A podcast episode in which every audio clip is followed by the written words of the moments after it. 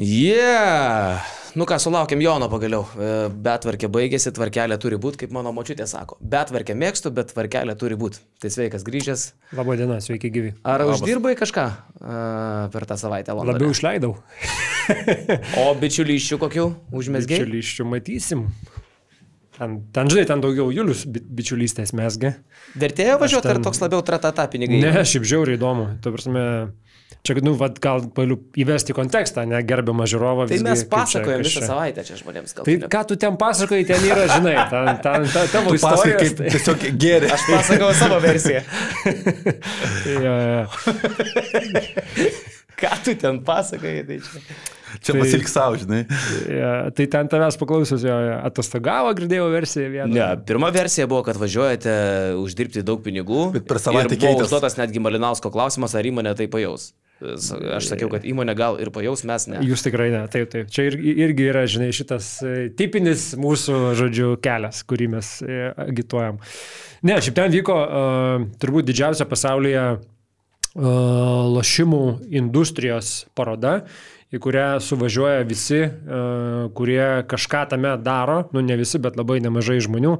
Tai, nu, turbūt visi įsivaizduoja lašimų industriją, tai čia, žinai, įmonės, kurios užsiema lašimais. Taip ir yra. Bet tai yra kur kas, kur kas daugiau. Tai yra, jie turi daugybę ten, žinai, visokių paslaugų teikėjų, kas ir ten gamina įvairiausią programinę įrangą, kas to žaidimus kūrė, vienokius žaidimus kitokius. Tai yra visokie uh, uh, mokėjimų platformos, kas irgi aktualu, žinai, per ką tie mokėjimai vyks. Nu, žodžiu, tai yra šiaip mm.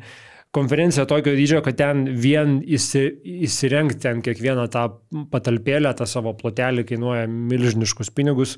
Mums čia aktualiausia buvo dėl mūsų angliškos versijos, būtent angliškai versijai, ieškant kažkokių galimų partnerysčių basketinius komui. Mhm. Tai, sakau, šiaip milžiniškas renginys, sako, 7 tūkstančių žmonių apsilanko jame per tas 3 dienas. Paskutinis kartas, kada jis įvyko Londone, nes kaip ir... Kur, kur čia vyko Vembli? Uh, ne, jie šiaip turi ten tokį konferencijų centrą, šiaip milžinišką. Uh, tas konferencijų centras yra, sako, panašioje ar net toj pačioj vietoj, kur Olimpiada vyko 12 metais rytiniai Londono daly. Tai va, tai ten čia milžiniškas konferencijų centras, labai modernus, labai naujoviškas. Bet viskas, visi šitie šitos, šitos parodos milijonai išvažiuoja į Barceloną. Ta prasme. Uh, tai čia ta konferencija vyko daug, daug metų Londone ir paskutinis kartas, kada jinai Londone vyko, nes uh, dėl gerbiamojo breksito, uh, sako, ne, nebenori žmonės ten važiuoti ir geriau važiuojam ten, kur yra patogiau atvykti, patogiau atsivežti savo aparatūros, kad neapsimokestintų jos papildomai ir taip toliau. Tai persikelia į seną gerą Sąjungą viskas. Mhm. Nu tai išspaudėt varškę, kažką už, užverbavot kokį nors? Nu tai, žinai, Dyla. matysis, ten, ten, ten daugiau buvo kažkokių pokalbių, pasimatymų akis į akį tiesiog, kas, kas yra svarbu. Mhm.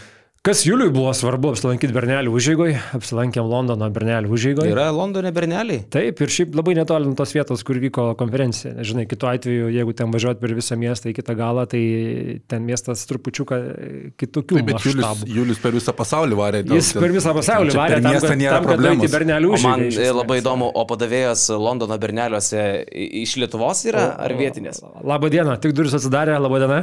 Viskas iš, iš karto, aišku, mes Bet ten... Su buvom... ašarom akise kaip Lietuvoje, ar, ar e, šiaip yra fantastinis aptarnavimas. Mes, mes e, užėjom, atėjom trys, darokas buvo, buračas ir žodžiu, ir nu, net džiugiai atėjom, džiugiai sėdėjom, džiugiai išėjom, nes aptarnavimas buvo fantastinis. Uh, E, gaila, kad ten tų žmonių nebuvo, ten jie labai iš esmės liūdnoja aplinkoje, nes tuščia, nėra žmonių tuo metu, kada mes atėjom. Tai tarsi uh, turi būti teisė ar ne uh, padavėjos būti susinervinusios ar piktos kažkokios. Ne, labai puikiai, labai maloniai. Labai, Šiaip labai puikiai atrodo ir kai portalo generalinis direktorius sėdė su džemperiu, aš skersą dėjau ant to basketinius. Nuostabus džempas, puikus, labai patogus. Tu dėjai ant įmonės? Ne, aš ją labai myliu. Kur, kur galima įsigyti tokį džemperį? shop.basketinius.lt. Geras, gal kokia akcija yra, ne? Gal ir yra, reikia pažiūrėti. Gerai. Nu ką, e, gal tada pasidžiaugim ne tik tai kelionę, bet ir žalgiriu. Iš karto gal įmam tą žalę, žalę mūsų šventąją karvutę ir, ir nu... Yra ko džiaugtis. Juokas juokais, bet aš dabar jau galvoju, kas čia iš viso vyksta. Kauno žalgiris prie Andrėja Trinkieri laimėjo šešias rungtynės iš devinių. Ir e, nelabai žada sustoti. Dabar jau taip norėtųsi, pradžioj taip į, į trinkierį ateimą, taip, nu, nu, varyk, varyk, viskas tvarkojo, dabar jau žiūri, kad wow, wow, wow, wow, wow, wow, wow, wow. Nesustok. Pristabdy gal biški kažkaip. Nesustok, ne, nereikia. Nes e, tokiais tempais tai ką, mums beliks e, kandidatuoti į Lietuvos krepšinio federaciją. Aš gal priminsiu, kas prim- primiršo, bet toks buvo mūsų pažadas. Kažkada buvo žadėta kažkurį sezoną iš mano pusės nusipjauti kiaušinius, jeigu žalgis pateks. praeitą. Pateks. Praeitą. Tu be kiaušinių turėjai. Pateks į playoffus, o kas sakė, kad aš su jais? Nu, va čia klausimas, žinai. Tikrinsim. Galėsiu parodyti po laidos, kas Kaip, tai kaip, kaip Suomis Eurovizijos galėsi. Taip. Dabar Arba, arba žinai, kaip būdavo kažkada popiežius, kaip tikrindavo, ar, ar jie tikrai yra vyrai, čia dar labai labai senoviniais laikais. Jisai atsėsdavo ant kėdės, kuri turėdavo skylę ir kažkas įkišdavo ranką patikrinti. Ai, tai čia lygiai taip pat kaip dabar kunigai. Tikrai. Gal galimai.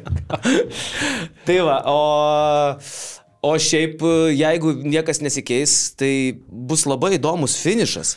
Aš netgi jums leidus gal prieš, prieš perinant prie diskusijų apie, apie e, rungtynės prieš Zvezdą. Aš labai trumpai užmečiau akį, kaip Žalgeris finišuodavo visus sezonus modernios Eurolygos istorijoje. Pakalbėkime apie tai, apie ką mes e, agitavom. Nekalbėti, nežiūrėti, neskaičiuoti, nesąmonė. Bet aš nesakau, kad, tai, kad, Nes- kad ne- mes turim šansų. Bet aš sutinku, mes turim šansų. Šiaip mes turim labai gerų šansų. Aš pasakysiu, kokia yra istorija. E, Ir, ir istorija šiaip yra, šiaip istorija yra įdomi. Žalgeris finišuoja e, dažniausiai gerai Eurolygoje. Žalgeriui liko aštuonios rungtynės iki sezono galo. Ir ėmiau nuo Šaro eros pradžios, nuo pilno Šaro paskuti, pirmo sezono, neskaičiuojant to 15-16, kuris jisai perėmė iš Krapiko Nuo vadžios. naujo formato pradžios. O tas jo. Tai tą sezoną Žalgeris liko dešimtas Eurolygoje, bet finišas buvo penkios pergalės iš aštuonių paskutinių. 2-17-18 sezonas. Žalgeris, čia paradoksas, tais metais Žalgeris išėjo į finalo ketvirtą. Tai jau kadangi buvo daug lašinukų prisikaupęs, galėjo sauliaisti jau gale truputį būti netoks produktyvus pergalėm, bet laimėjo vis tiek pusę, 4 iš 8. Tada kitas, 2-18-19 sezonas. Čia jau tas po finalo ketvirto, kur liko tik tai Brendanas, išvažiavo visą mūsų Hebrą.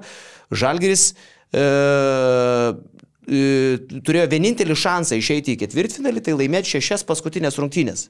Kitaip nebuvo jokių variantų. Ir tada atsimenu, dar mes sėdėjom podcast'o studijoje ir e, sakėm, kad procentų lekšas čia skaičiavo ar 5 ar 4 procentai išeiti į playoffus. Nes reikėjo laimėti šešias paskutinės ir dar laukti, kol kažkas tai kitas ten pralaimės, laimės ir taip toliau. Tai Žalgeris laimėjo visas šešias ir tarp jų dar trys išvykai buvo. Tel Avive. Pirėjui ir paskutinės Madride. Tada imam tą patį covidinį sezoną. Žalgiris, e, žal, čia tas legendinis sezonas. Atsimenat, kai Šaras devynės iš eilės pralošė. Buvo mhm. tai toks, toks etapas ir atrodė, kad tai laiku. Bet Žalgiris baigė covidinį sezoną su iš aštuonių paskutinių šešias laimėdamas. Tada netgi buvo Šilerio prakeiktas sezonas. Tai buvo vienintelis sezonas, kai Žalgeris blogai užbaigė, nes gerai pradėjo. E, Viena pergalė iš e, septynių paskutinių. 17-17 buvo pergalių pralaimėjimų balansas. Tada buvo užpernai, su Vie- Zdovcu įsivaizduoju. Vienas septyni šileris baigė. Jo. Eik tu savo, čia, ta prasme, A, jinai ir ten buvo. Ir pergalė nuo atkrintamųjų. tai turėjo 16-10. Buvo 17-17 ir... Ne, tai Tai turėjo buvo 16 16-11 buvo, reiškia. 16-10, jeigu 8 ir Iš vienas paskutinių septyni. septynių. Ar iš 7 laimėjo vienas, ar iš 8 laimėjo. Žinai kaip yra? E, Vienas šeši. Tai, ai, tai gal paskutinės septynės paėmiau. Tai gal buvo Tai iš- du okay. septyni. Tada kaip ir sakai, Įsivaizduokim taip. 16-11. Wow, tai čia, ta prasme, buvo atkrintamosios čia visiškai. Visiškai, Šileris, ta prasme, on fire buvo. Ir buvo užpernai, įsivaizduokit, net prie Zdovco, kur buvo per visą sezoną iškovotos aštuonios pergalės, čia Šileris pradėjo, Zdovcas užbaigė. Tai net tą sezoną Žalgeris finišavo 50, tai paskutinis, paskutinės 10 rungtinių paėmiau. Mhm. Kad pusę iš paskutinių 10 laimėjo, nors liko paskutiniai. O pernai galim prisiminti, kad Žalgeris prie Kaziuko e, iš 8 paskutinių, vad kaip dabar skaičiuojam, laimėjo 6 ir liko septintoje vietoje. Aš tik pataisysiu, žalg... prieš Šilerio buvo 2-4 pabaiga iš paskutinių šešių rungtynių. Dvi pergalės buvo. Mm, kurį tu pavėjai? E, Šilerio pirmą sezoną. Tai reiškia, jie turėjo 15, 22-21 sezonas. jo, tai jie turėjo tada 15-13 ir pabaigė 2-4. Mhm. Ai, šitaip, ne? Žiauriai. Jo, jo. Ok, tai gal tada Šilerio supliončinau, bet vat e, Kaziuko galas tai toksai. E, 6-8 iš 8 paskutinių 6 laimėjo. Nu tai šiaip istoriškai kažkaip taip gaunasi, kad Žalgiris e, gerai užbaigė, užbaigė sezonus. O dabar dar koks unikalus skaičius, tai jeigu Kazys iš 17 laimėjo 5, tai Trinkieris iš 9 laimėjo 6. Mm. Toks yra procentas. Tai jo, mes sakėm, kad čia nekalbėsim apie tas įkrintamas ir panašiai. Ir realiai tikrai normalu tikėti tom įkrintamosioms, bet galbūt apie jas toliau nereikia šnekėti žalgiriui, visada taip geriau gaunasi, kai jie žaidžia be streso, be įtampos, nes kai prasideda skaičiavimai, irgi daug yra atvejų buvę, kai žalgiris tiesiog sustoja ir patikė, kad mes esame per geri. Tai apie jas gal ir nebūtina kalbėti, bet... Bet žiūrėk, tegul jie neskaičiuoja, bet mes paskaičiuojam. Žinau, jo... bet istorija rodo kitaip, lekšai. Mes skaičiuodavom visus šitus septynis metus, kiek vat, aš paėmiau. Visą laiką. Bet mes sezono startė sakėm, kad atkrintamosios garantuotos. Vos ne. Visi trys sutarėm, kad žalgris bus atkrintamosios. Ir kai žalgris taip išgirdo, kad čia mes atkrintamosios, tai toks pra, tokia pradžia ir gavos. Jo, bet aš tik gal labiau apeliuoju tą, kad uh, tas kenkia labai stipriai. Nes, nu, tarkim, paimta patį uh, 18-19 sezoną, kur irgi buvo blogai viskas, reikėjo šešias paskutinės laimėti, tai buvo neįmanoma, mes sakėm 3-4 procentai. Ir paskui skaičiavom kiekvieną dieną. Nu, Žalgeris, kai pagavo tą bangą, tai ten skaičiuok neskaičiavęs, jie ėjo ir nuėjo, pasėmė visas šešias paskutinės. Šito to kalbėjimo labai. Ir žinai, ir to skaičiavimo, nu, visi supranta, kad 17 pergalių reikės ir skaičiuoja, kiek tau iki tų 17 trūksta. Tai dar prieš porą savaičių Šešių trūksta. Iki 17 skaičiuojant, buvo akivaizdu, kad tokiu atveju tu turi pabaigti 9 pergalėm, 2 pralaimėjimais. 9-2 per 11 rungtynių. Kas skamba mm, rimtai. 3 pergalės pailiui, dabar 6-2. 6-2 jau nebeskamba kaip misija neįmanoma. 6-2 skamba kaip kažkas, ką, ką galima padaryti ir ką gali šitas žalgris užsivedęs padaryti. Ir ką iš esmės beveik kiekvieną sezoną namie, padaro paskutiniais metais. Penkios namie bus Žalgeriui, bus labai svarbi ta atkarpa, kai Žalgeris tris išėlės namie žais su Virtus, Baskonė, Milanu. Tos visos komandos, kurios irgi tame pačiame mikse, realiai yra ir apskritai Žalgeris užžaidė prie trinkėrį devynis mačius, tai yra visas antras e, ratas, nuo pat antro rato pradžios, tai Žalgeris pagal polimo ir gynybos santyki yra apskritai dabar antra geriausia komanda Eurolygoje kas yra kosmosas, nes realiai jie buvo pirmajame rate ar 13-14 kažkas tokios pozicijos, vienintelė geresnė komanda, antrajame rate pagal skaičius yra Barsa, tai nu, čia iškalbinga yra. Vienintelis, kas, kas, kas kažkiek gali neraminti dalykas, tai kad uh, Žalgris neturi uh, gerų santykių su komandom, kurios, kurios, kurios gali pretenduoti tas vietas. Uh, tai ta pati Valencija, su Valencija turi uh, turi minusą. Aišku, kas, kas gerai, kad ir liko dar rungtynės, kur tu gali atsigriebti. Pavyzdžiui, su Makabiu yra po pirmų rungtynių minus 8, laukia rungtynės išvykoje, kur tu gali atsigriebti. Liko rungtynės su Baskonė, kur tu pirmą, pirmą ratą laimėjai labai užtikrintai namie, tai yra išvykoje, dabar jie lieka namie. Atvažiuoja tas pats Olimpijakos, kur bala žino, gal ir jisai net gali būti tas, su kuriuo ten skaičiuosis, bet Olimpijakos išvyko į minuso buvo 17, labai daug.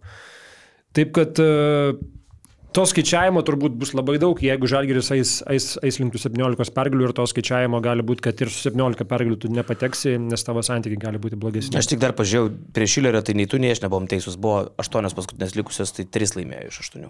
Aš sakiau šešias, ta prasme, tu, tu buvai vardė šešias ir aš vardėjau šešias. Ne, ne, ne, aš še, šeši pralaimėjimai, tą sakiau. Šeši pralaimėjimai, viena pergalė. Per aštuonias. Jo, jo, jo. Tai ne per septynis. Jo buvo nu, 3, 3, 3, 5, va tai buvo. Tai 3, 5, dar kitaip. Nu taip. Tai, nu žodžiu, nebuvo. Tai iš 8, 3 laimėjo. Ja, Paskutinių tai, 8, 3 nu... laimėjo. Tai kitaip sakant, playoffai buvo ant nosies, bet Šileris sugebėjo taip finišuoti. Bet aišku, dar žiūrint dabar tą turnyrinę lentelę, tu skaičiuoji, dėlioji, bet jeigu tu paėmus grinai tas 10 komandų, kas dabar yra, prieš tą pertrauką 10 komandų, nu tai tu galvoji, kad tu gali gaudyti, man atrodo, iš tų klubų, kas yra aukščiau ir dar neturi tiek pergalių susirinkęs kaip Virtus, kuris Virtus turi 16 pergalių, kad ir kaip jie dabar praščiau žaistų, bet 16 pergalių jie jau neturėtų išvaistyti, kad tu juos pagautum. Mhm. Vat yra Valencija, kuri turi 13-13.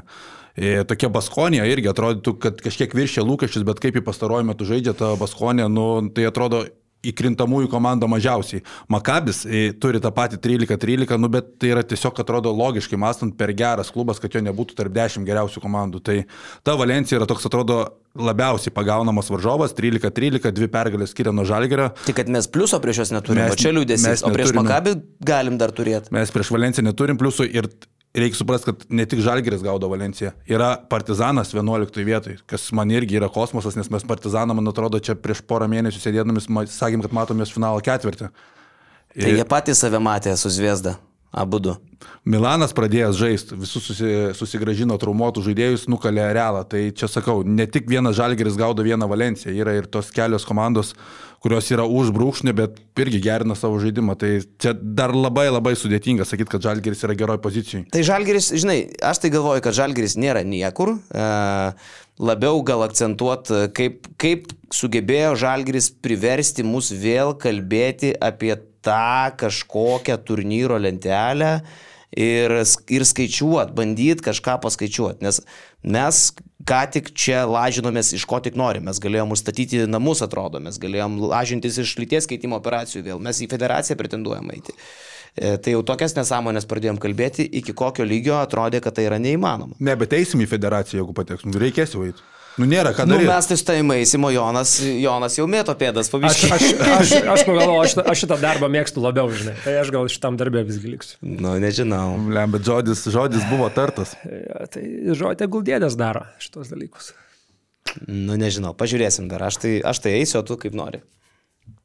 Okay. Nu ką, apie, apie rungtynės, jeigu Belgradė, tai man atrodo gerai pasakė Trinkeri, kad prieš Partizaną žaidėme geriau, bet tiesiog charakterį parodė Žalgeris su Zvezda įspūdinga, kaip tokioje atmosferoje, kai jau atrodo Zvezda į vėl išsiveržė į priekį, sugebama iš, išvengti tų ilgų dobelių, paimamas taimautas, po taimauto vėl viskas stabilizuojasi, apskritai kokius Evansas pataiko metimus, tai dažnai būna net absurdas, ta prasme, stebekas atgal iš 8 metrų per rankas be problemų, tai nu, duok dievė tik tais Evansui sveikatos, nes nu, visa komanda realiai laikosi ant kino Evanso. E, Evanso pick and rollai su biručiu, short rollina, kaip birutis, kaip jisai skaito situacijas, nusimetant, tai visas žalgerio polimo pamatas ir yra ant e, Evanso ir biručio 2 prieš 2 situacijų. Nu ir iš po to viskas gimsta kiti papildomi dalykai, kas, kas iššauna skirtingose rungtynėse. E, ta paskutinė minutė irgi buvo didžiulis chaosas realiai Belgrade, kur atrodė Žalgiris jau senai gali užsibaigti tas rungtynės, nesumetam pirmiausia baudų, po to atsiranda klaidos e, prie, prie, prie nesportinės pažangos, e, po to išsimetant kamalį paskutinę ataką. Gerai, kad Bolombojus blogai sugavo tą kamalį, ten viskas galėjo baigtis labai liūdnai. Jis iš vis, man atrodo, nesuprato, kad dar yra laiko. Toks įspūdis, aš dabar dar va, pa- pačią paskutinę sekundę pažiūrėjau, jis net taip staptelėjo kažkaip atrodo. Ja. Dar jeigu būtų geriau įvertinęs tą laiką, gal ir būtų metęs metimą. Jis Sugaišo ten nemažai dar. Bet aš dar kalbu, kur, jisai, kur perėmė kamuolį, kurį Evansas išmetė, kaip jisai traukė iš užribą. Jis atrodo gerai sugavo kamuolį ir metė belekurt. Aha. Prie, prie minus dviejų ir kai Dimša pabėgo, tada jau... Jo, jo, tai jisai pagavo gerai kamuolį, bet jis nusimetė nesamoningai. jį. Taip, taip, taip. Tai tokių didelis chaosas, ten po to tie ir sirgaliai, kas, kas dar kita tema yra. Bet žiūrėk, tu labai jau čia nori bėgti laukais, bet mes uh, turim čia labai plačią temą, bet prieš tai gal dar truputį pagalvokim apie tai, kad reikia ir nusipraust kažkiek. Pagalvokim. Nu, nuplaut, nuplaut tą pačią sąžinę. Tai e, mes turim partnerį, kuris mūsų podcastą pristato ir aš leisiu savo jį įterpti. Va dabar pačioje įdomiausioje vietoje reklama. Tiesiog, va taip, įveida žmonėms, bet tai yra priminimas, kad e, būkit švarus, lekšas toks yra, su probrojus. Vakar nusiprausiau, Varo, vakar normaliai. nusiprausiau abonementą, turiu ramu man. Kokį tu pasėmės, VIP ar Maxi? E, Aš pasėmiau tą žiūriausią. VIP, Ten, kur dugna plano, jo, vipą. bet ir Maxi, man atrodo, plauna. Bet aš ėmiau tą vipas, man- patarė žmogus dirbantis, sako, patogiausias bus geriausias mėnesį Dar bičiulis kaip tik dirbo, tai sako, nu, imk šitą ir tikrai nesigailėsi. Tu kaip tam šapro anegdote, kur uh, Vilkas sako, Zuikiu, ne, nu, ta tau kas patarė, ble, ne tu savo galvą mastai. Kas Tau patarė. Ja, man patarė. Man reikia patartų. Tai man patarė imti vipą, aš pasėmiau vipą. Tai Patenkinta. kasdieną galiu varyti, kasdieną nevarau, bet į savaitę po kartelį apsimoka. Žiūrėk, e, Šiaip aš dabar supratau, kam vat abonementas gali pagelbėti, nes aš neturiu abonemento ir, mhm. Ir mes e, vieną mašiną dalėjomės, tai, tai vienas moka, tai kitas moka, žinai, ir taip gal. Bet pavyzdžiui, turim problemą. Automobilis yra dažnai parkuojamas po uh, medžiais, kuriuose yra įsikūrę varnos. Ir žinot, kiek, kaip varnos triedžia? žinau, arba vasarą po liepom pastatai. Po liepom iš vis Tai tada turi tą vadinamą Tada jau ten turi laką. pats už šepetėlių vos neit ir valyt, bet Varnas yra kažkas tokio. Penktąją nusiplauni mašiną, šeštąjį ryte ateini žiūri, nutriesta viskas maksimaliai.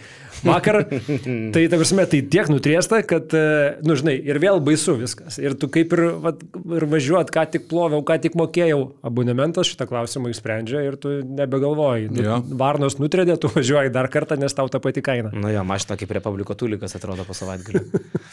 e, faktas, kad taip. Ir aš žiūriu, kad mes turim čia dar visokių tai akcijų nuolaidų. Kas yra su uh, ProBro? E, daug kas gali galvoti, uh, kas čia iš vis per reikalas yra. Tai ProBro yra tie patys legendiniai švaros broliai, tik tai, kad yra atskirtos dabar įmonės. Švaros broliai liko, švaros broliai yra bekontaktė savitarnos plovyklos, kur tu pats atvažiuoji, varai savo mašiniuką į tokį bromą ir ten varai su kiorcheriu.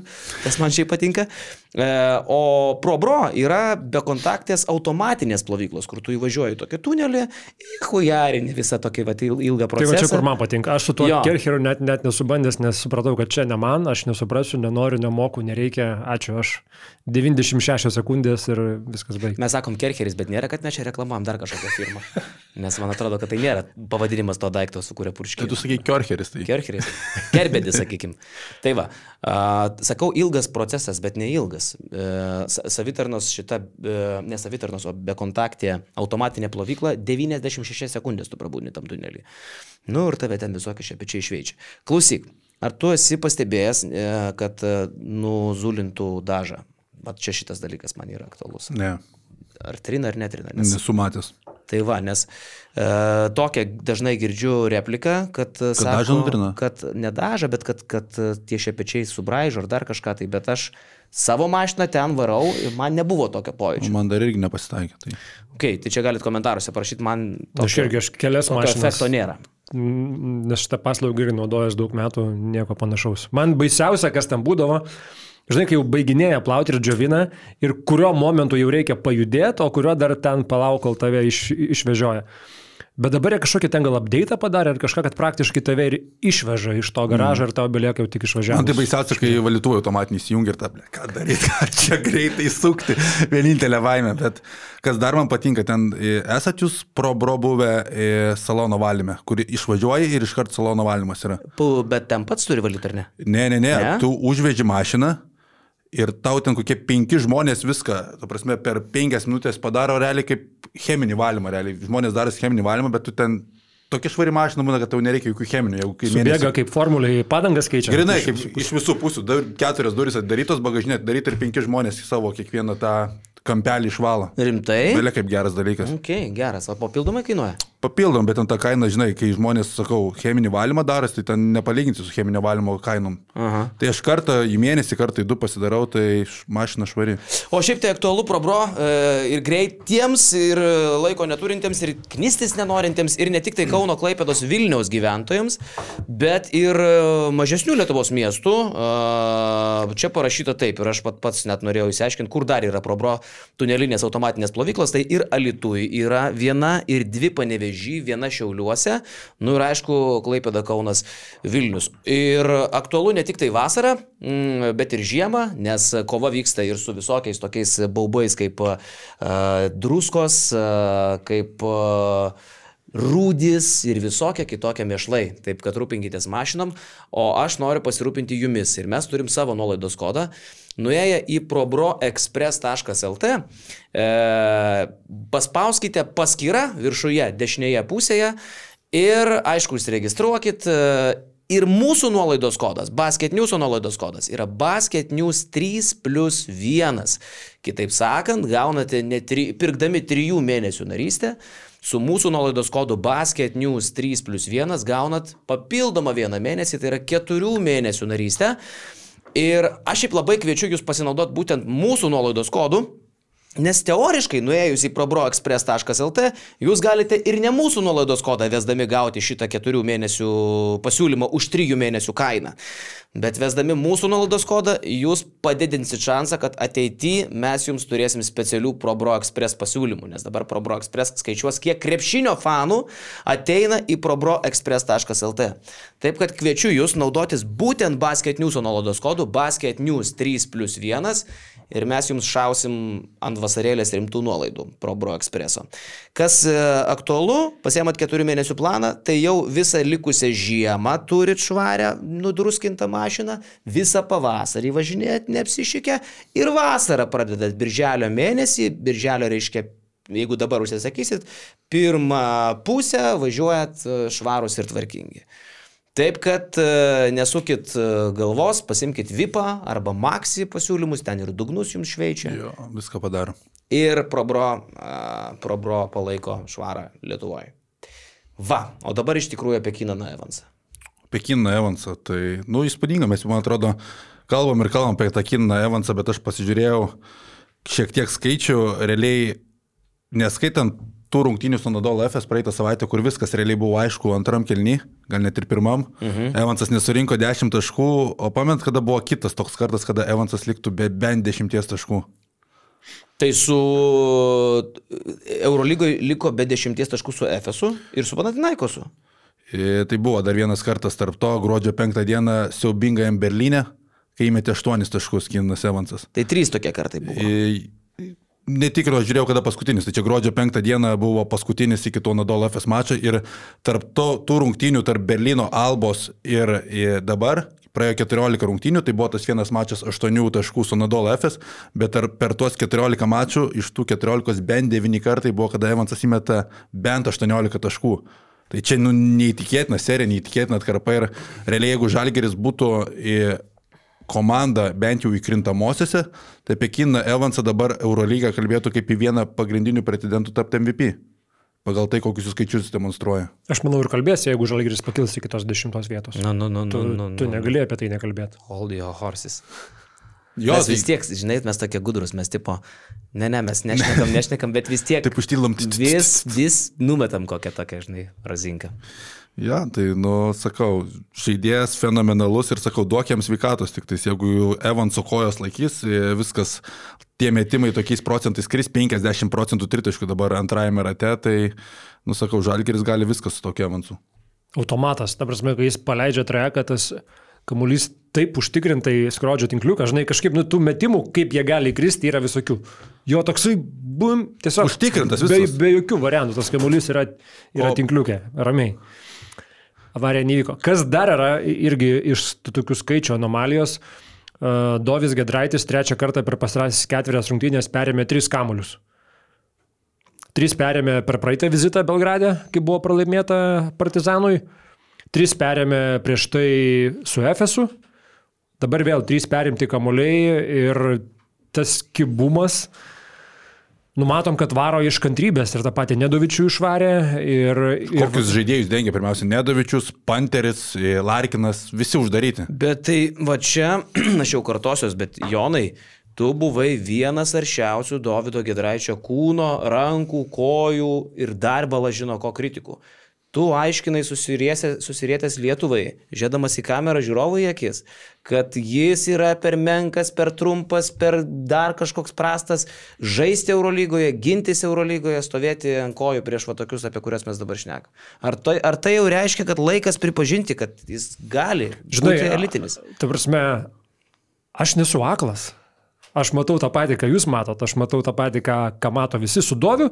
Esminis klausimas, žinai, buvo jo sveikata. Ar jisai Ok, du klausimai. Man dar buvo kūno klausimas, nes jo kūnas atrodo mažas Eurolygos šitam lygiui ir, ir apie tai buvo kalbėta.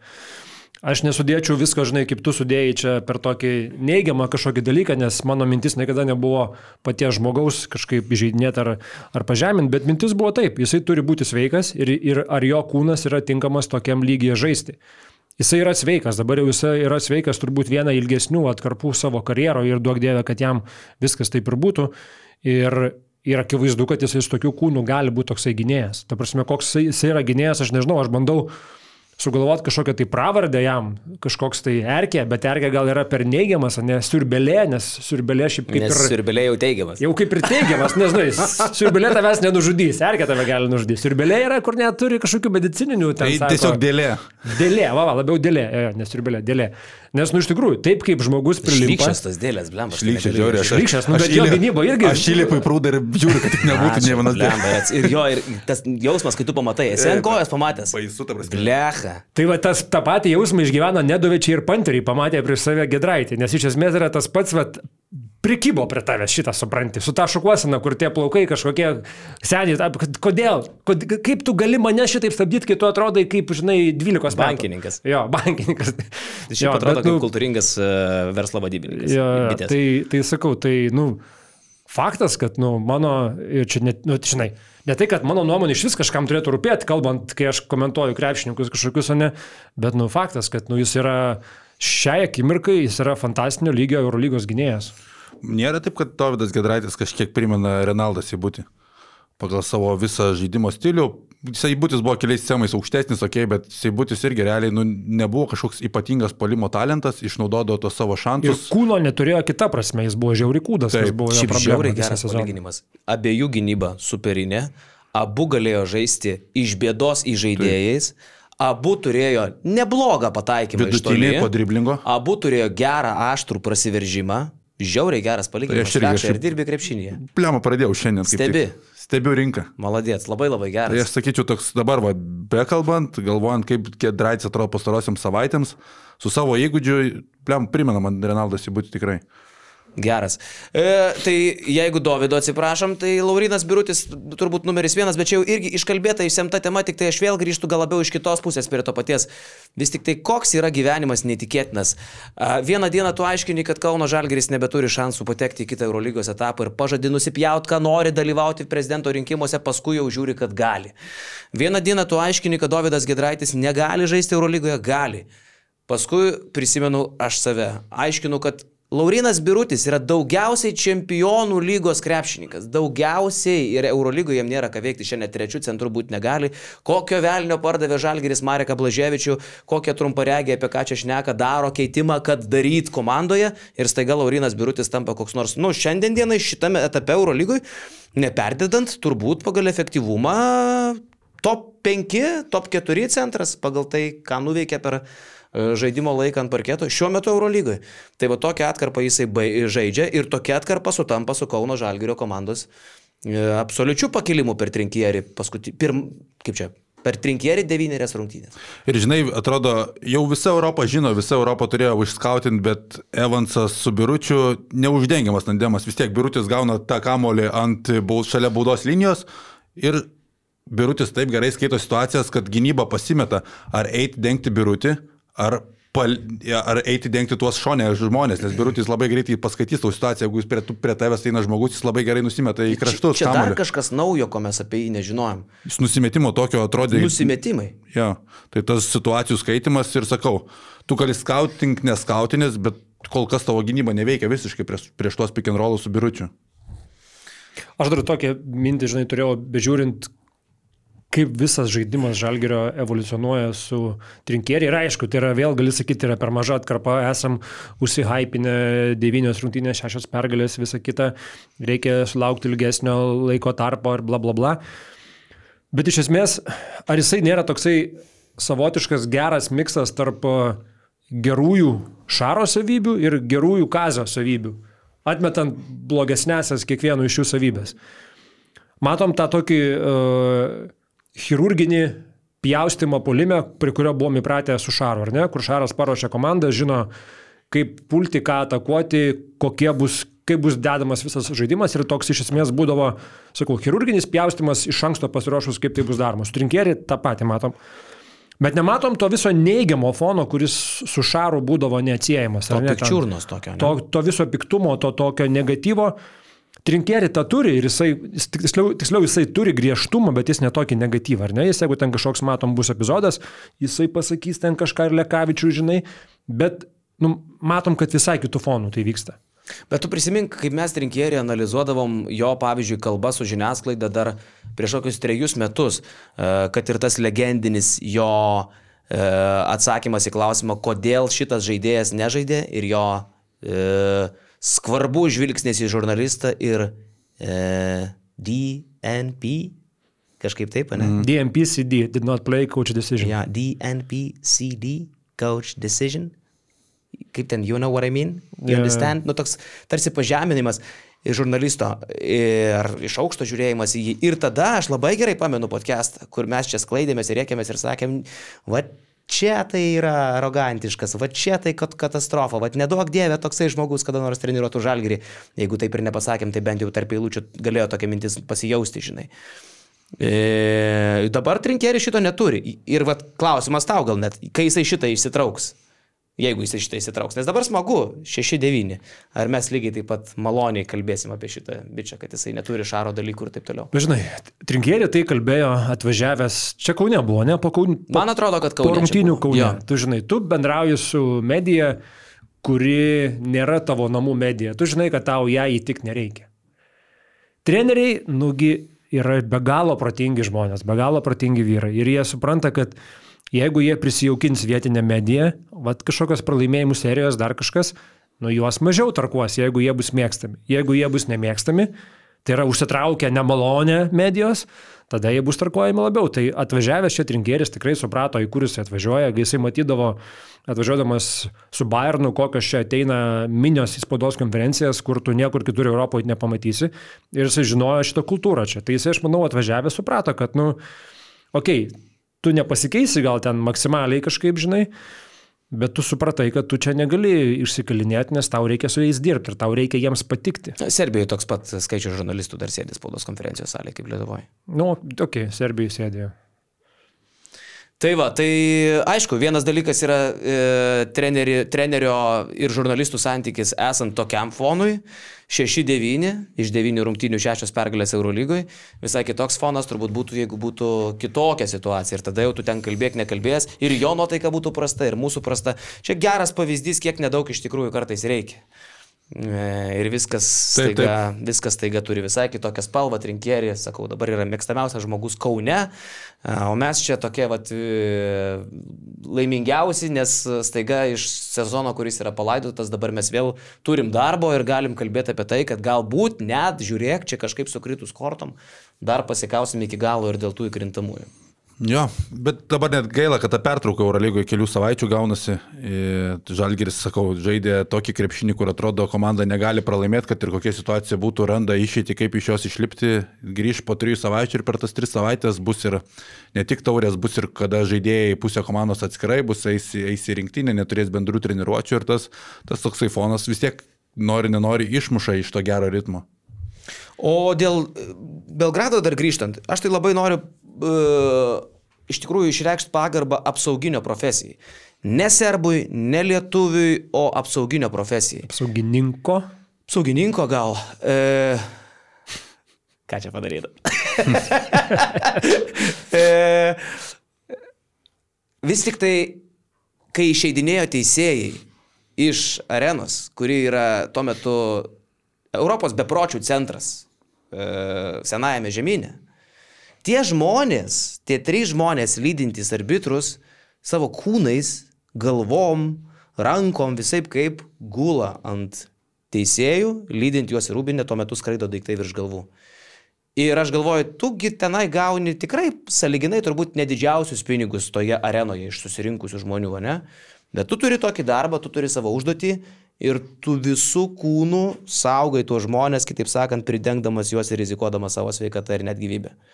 Tai žiūriu ir aš galvoju, žinai, va čia yra jėga. Tai visi, kurie yra apsaugininkai, kurie dirba tokį darbą, jūs esate šaunuolių, šaunuolių, šaunuoliai ir va čia yra pagarba. Didžiulė. Bet šiaip tai ką? Ten, ten buvo beprotis. Laukiniai, blemba. Laukiniai, e, absoliučiai laukiniai, paleidę, paleidę, supranti, vadėlės. Mes e, Daug kas painiojasi tarp to, ką mes šnekam apie serbus. Tai čia jūs ginat serbus, čiagi jie vatnikai, žiūrėkit, ten yra visokių. Ir va ten pamatėm tų e, iš tos kitos pusės, tų, vat, dėl ko Serbija yra vis dar atsilikėliai, vat, čia dėl tų žmonių. Iš esmės tai yra, vat, žodis tas toks man tinkamiausias, žinai, vakar diena, arba gal net už vakar dieną. Gal 20 metų prieš, kada Skarbonkių balius haliai buvo. Tai vat, man ta pati mintis 26, 27 ar ne, kažkas tokio, atsiminkim, tai buvo 18-17 metų atgal. Aš atsimenu puikiai, kas darydavosi, kai surytų žaisdavo, kaip žmonės bėgdavo prie to irgi išėjimo į rūbinę spjaudytis ant ryto žaidėjų. Mes, dėl ko Zavas mes, Faka rodė, atsimeni? Mes lietuviai tokie buvom. Zavas Faka rodė būtent dėl būtent, tokių veiksmų. Būtent dėl to, nes, nes tai ir būdavo. Mes pirmi. Kad pirmi būsim, jo. A, dar off topikas tik tai, kad Zavackas dabar labai vaidina tokį, žinai, visokį rimtą politkorektišką bičią ir paskui aš įsijungiu. Kaunas yra mėšlo krūva ir viskas. Aš rodžiau, kad mes busim pirmi. ja, bet, bet, bet tai, tai, yra, tai yra praeitis, tai ką mes jau senai pamiršom, nes užaugo žmonės, užaugo karta, šiaip buvo įkalta į galvą, kad nu, taip daryti yra žema, šiaip jau labai labai žema, subrendę normalioji išsivyščiusioje šalyje gyvenantys žmonės taip nesielgia tiesiog. O tie, kurie elgesi, tie yra supakuojami, baudžiami, vežami kažkur, atimama teisė patekti į areną ir dar kažkas. Tai jūs matėt, kokie daiktai ten skrenda? Ten flakonai kažkokie, ten dideli dalykai, ten mineraliniai bute, buteliukai. Tai va, pas mus BM Plus grupė rašė Gražydas Mužys, kad uh, ja. jis praleido iš mineralinio buteliuko į petį kur sako irgi, žinai, savotiškas absurdas, ar ne, tu nepradavinėjai arenoje uh, alaus, tam, kad vat, suvaldyt tą minę dar labiau, bet tu parduodi mineralinio buteliuką, kas, pavyzdžiui, pas mus, jeigu turi mineralinį pirki, atsuka kamštuką, mm. tam, kad jeigu tu leisi tą butelį, jisai nukris kažkur žemiau įsitaškęs ant žmonių aplinkui. Tai, o ten, vat, apie tai dar nėra pagalvota. Nu, tiesiog, sakau, tai yra tiesiog atsilikimas, uh, kiek, 15-20 metų viso mentaliteto, viso supratimo. Tam nemažą įtaką daro, manau, ir žiniasklaida, kuri ten egzistuoja, kuri irgi tas visas samokslo teorijas skatina ir kurdina, kur yra įstikinimas, kad čia vat, baudžia kažkaip uh, uh, Eurolyga juos ar ten kažkokia mafija. Atsiminkim, kas ir pas mus darėsi, kol Žalgris neturėjo licenzijos. Gi pas mus tos pačios kalbos būdavo. Kaip čia bus pratesta, čia nebus pratesta, čia Eurolyga mūsų nemyli, čia jiems nereikia. Toks, nu tas nepilnavertiškumo kompleksas, kuris, vat, sakau, 20 metų atgal, ačiū Dievui, mes esam 20 metų priekyje. Jo, arba tas Vesda įstoja irgi jokinga, realiai labai aiškiai, kodėl jie kitą dieną išstoja, greitai tikėdamosi, kad kažkiek pašvelnins tą Eurolygos baudą, kad čia mes jau identifikavome tos visus asmenis ir jie nebegalės lankytis namų rungtynėse realiai. Nu kaip tu identifikuosi, realiai tau reiktų trečdalį arenos turbūt identifikuoti ir uždrausti jiems lankyti arenui, nes ten kiek tų, tų daiktų skriejo į aikštelę. Ne, nu, tai nu, tikrai perdėdi, nu, arenoje yra 20 tūkstančių žmonių tuo metu. Tai, nu, jeigu, tai kiek skrido? Jeigu 6 tūkstančiai daiktų būtų skridę į aikštelę, seniai. Nu gerai, ne trečdalis. Tuo metu bet... būtų ir aukų ten. Nu gerai, 60. Sakykime, ten metė gal 60, 60 debilų. Nu, bet tu identifikuosi per visą areną, 20 tūkstančių areną ir tu identifikuoji. Identifikuosi, Kauno sporto haliai identifikavo tikrai ne vieną. Nu, visų 60 gal nesurankiuosi, bet tikrai tokioje arenoje kaip Štark, čia ne halė. Halė identifikavo tos veikėjus. Tai Halė paprasčiau, nes mažiau žmonių ir mažesnė erdvė. Nu, bet ten kamerų kiekis kitas, nu, nepergyvenk, žinau, kažkaip tai susiranda juos. Manau, pagal, kad... Ten nepamiršk, kad abonementikų dafiga yra abonementikai turi savo vietas, tu pagal vietą gali matyti. Aš kažkaip netikiu, žinau. Aš, aš, aš netikiu, kad, aš netikiu, kad jie užsijims, va šito aš, tai netikiu, aš netikiu, kad jie tai darys, bet kad galima, tai aš net netikiu. Nu, tai aš iš to ir labiau jokiuosi, kad ta prasme, kad nei ten kažką identifikavo, nei kažką identifikuos, nei kažką atim, žinai, bet tik tai toks akių dumimas prieš Eurolygą, kad mes čia kažkokius veiksmus darom. Žiūrėkit, va čia yra įdomus kampas, aš prieš laidą sakiau ir žiūrovą dar priminsiu, mes prieš sezoną turėjom savo lažybas, tarp kurių buvo daug nusipezėjimų iš mano pusės ir iš Lekšo. Lekšas sakė, kad rytas bus Final Four čempionų lygoje, aš sakiau, kad Žalgiris pradės 1-5. 5-1. 5-1, taip. O vienas iš mano buvo objektų lažybų, kad, zviesd, kad Partizanas nors vienas rungtynės žais be žiūrovų ir tuo metu argumentavau tuo, kad šita komanda kelia tikslus patekti į Final Four ir kai matys, kad tai neįvyksta, tada pradės nervintis fanai, taps labai jautrus, sukels kokį nors šūdą ir nors vienas rungtynės Partizanas bus priverstas žaisti be žiūrovų. Tai panaš, aš spėčiau, kad Zviesda gali tokias bausmės dabar susilaukti, tai tada būsiu apsirikęs tik tai su komanda. Nes Zviesda lygiai taip pat, labai keista, kad aš tada jų neminėjau, Zviesda lygiai taip pat prieš sezoną kalbėjo apie Final Four. Ir Nedovičius sakė, kad čia yra geriausia sudėtis, kokią Zviesda kada nors yra surinkus. Gal sudėtis ir geriausia, bet jie iš kovos dėl playoffų pasitraukė labiau negu Žalgiris. Penktadienį paskendo ties šansai. No. Nes realiai buvo kas ką, žinai, jeigu Žalgiris gauna, tai Zvezda toliau dar galvoja apie kirintamasias, jeigu Zvezda kaip dabar gavo, nu tai jie traukėsi iš tos kovos. Jiem mišios dar ir dėl to, logiškai mąstant, jie jau ir nuo Žalgirio atsilieka ir dar prastesnį balansą nei Žalgiris turi. Žalgiris pirmauja prieš Zvezdą dvi pergalės iš dviejų, ne? Jo. Nu tai jiems čia yra mišios. Svairopolas, kaip tu atsakei prieš podcastą, yra vienintelis treneris e, iš tų pasikeitusių, kuris nieko nedavė, jokio impulso komandai. Nu, dar gal, ir pupė nedavė. Pupė. Kažkiek davė, ne? Jie ten Davė impulsą pupė. Laimėjo, kiek porą kartų laimėjo. Nu ir juo. po ceko davė ten kažkokį pradžią. Patseko tai davė, bet pupė nežinau. ką. Pupė davė, Ivanovič davė, Šaras davė, Trinkeri davė, e, Urbanas davė, o vat e, Svairopulas, Pacevičius davė. Pacevičius dar ir kaip davė. Kas dar palauk LKL keitėsi? Nemažai keitėsi. Oi, o, Dabar Vidas Ginevičius duos. Vasilievas davė. Vidas. Gal Vidas neduos. Šaras davė? Davė. Šaras. Šaras davė, kalbėjom. Nu, Nu, vat, Apie trenerius kalba, žiūrėkit, mes šiandien vienas nesam treneris, bet gal komentaruose atsiras žmonių, kurie pakomentuos šitą situaciją, bet ir tuo pačiu man krito į akis tas variantas, kai likus pusantros minutės Evansas buvo išimtas dėl gynybos, ten kai prasideda tie keitimai, gynyba polimas, ne? Mm. Ir Evansas su keturiom pražangom buvo išimtas, kad neprasižengtų. E, Bet tada man kyla mintis, okei, okay, tu išimi tokio lygio žaidėją kaip Evansą, likus pusantros minutės.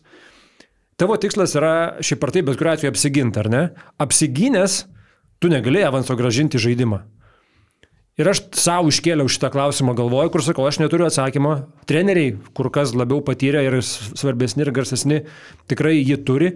Bet ar kažin yra koksai statistinis pagrindimas išimti savo geriausią žaidėją su labai didelė tikimybė, kad tu jo ir polimui negražinsi. Ir tavo kita ataka polime irgi bus be jo.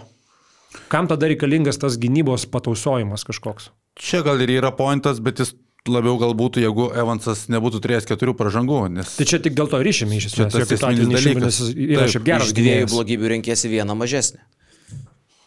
Jo, nu tai Bet, gal... bet, nu žinai, bet jisai jau kurį laiką lakstė su keturiom pražangom. Bet čia turėjai galimybę tą pakeisti, tai nu, man atrodo, kad norėjai paskutinį minutę turėti Evansą, tai jau geriau, jau geriau Evansas ant suolo ir ataka be, be Evanso, negu kad jis iš viso visam laikui ant to suolo atsėstų, kad tokią tikimybę pašalintum iki pat pabaigos. Tai aš taip paaiškinčiau. Nes jisai jau kurį laiką lakstė polime su tom keturiom pražangom. Tai kodėl tu būtent likus minutiai, pusantros minutės, nusprendė, kad dabar yra ta akimirka, kada gal geriau aš pabandysiu išvengti jo penktos pražangos. Nes tu galėtum dar Evansą išleisti, jeigu tau būtų pražanga kokia, arba jie įmestų taškus, bet kokiu atveju. Nes buvo situacija, kada negalėjo Evansų išleisti, nes pavėlavo jį tiesiog, kai... Kuomet... Tai va čia po to pasidėjimo Jo. ir pavėlavo. E, Tada reikia imti maudo trinkerį, kad galėtų išleisti Evansą. Nes čia buvo tas epizodas, kur, nu, tas gynybo polimas, kiek jisai, kiek jisai, kiek jisai, e, kiek jisai dažnai veikia ir kiek jisai yra naudingas, man būtų įdomu per tą skaičių prizmę. Ta prasme, vis tiek yra žmonės, kurie analizuoja, skaičiuoja, stebi, čia turbūt turėti turėt labai advanced kažkokius status, bet, e, bet būtų įdomu pamatyti būtent, ar tikrai tai dažnai suveikia. Dar vienas įdomus dalykas, aš čia prieš e, e, apžvalgą su Kleiza paskaičiavau, kiek komandų Zvezda nugalėjo Štarkę šį sezoną. Septynios. Eurolygui.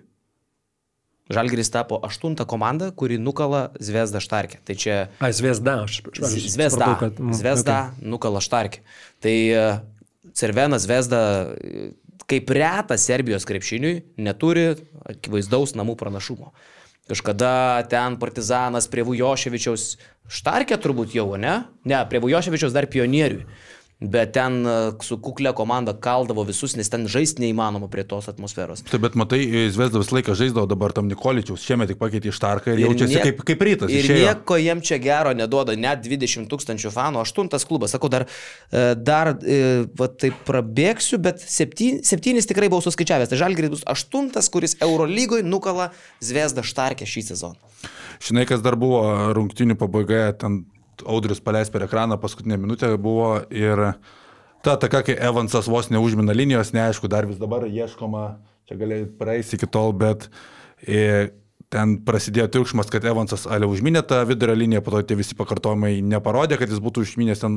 Šiaip labai sudėtinga situacija arbitrams. E, visų pirma, tu pradžioje žiūri į viršų, į kamolį ir ar nėra kontaktų, tu nežiūri, ten nematai iš karto kojų, kai tokie milimetrai yra, tu ne, labai sunku tau sureaguoti, bet ne apie tai. E, realiai Žalgeris po tos nesportinės pažangos turėjo savo takį 14 sekundžių ir plus 2. Bet išmušė saugiklį, man atrodo, Zvezdo žaidėjams, kai neužfiksuota buvo jok, jokios vidurio linijos pažeidimas ir jie prasiženginėjo, nors tos pažangos realiai jiems nereikėjo. Tu apsigini ir turi savo taką prie minus dviejų. Tai, tai šitas buvo ganėtinai keistas momentas. Aš tik praeis- Jo, atsiprašau, pasitaisysiu. Šeštas, šeštas, aštuntas biški net pačiam per daug nuskambėjo. Šeštas. Šeštas Žalgiris nukalantis Zvezda Štarkę. Čia jo, dar iki to, iki to prieisim. Bet čia irgi, man atrodo, Kai Evansas užsibaigti turėtų ataką.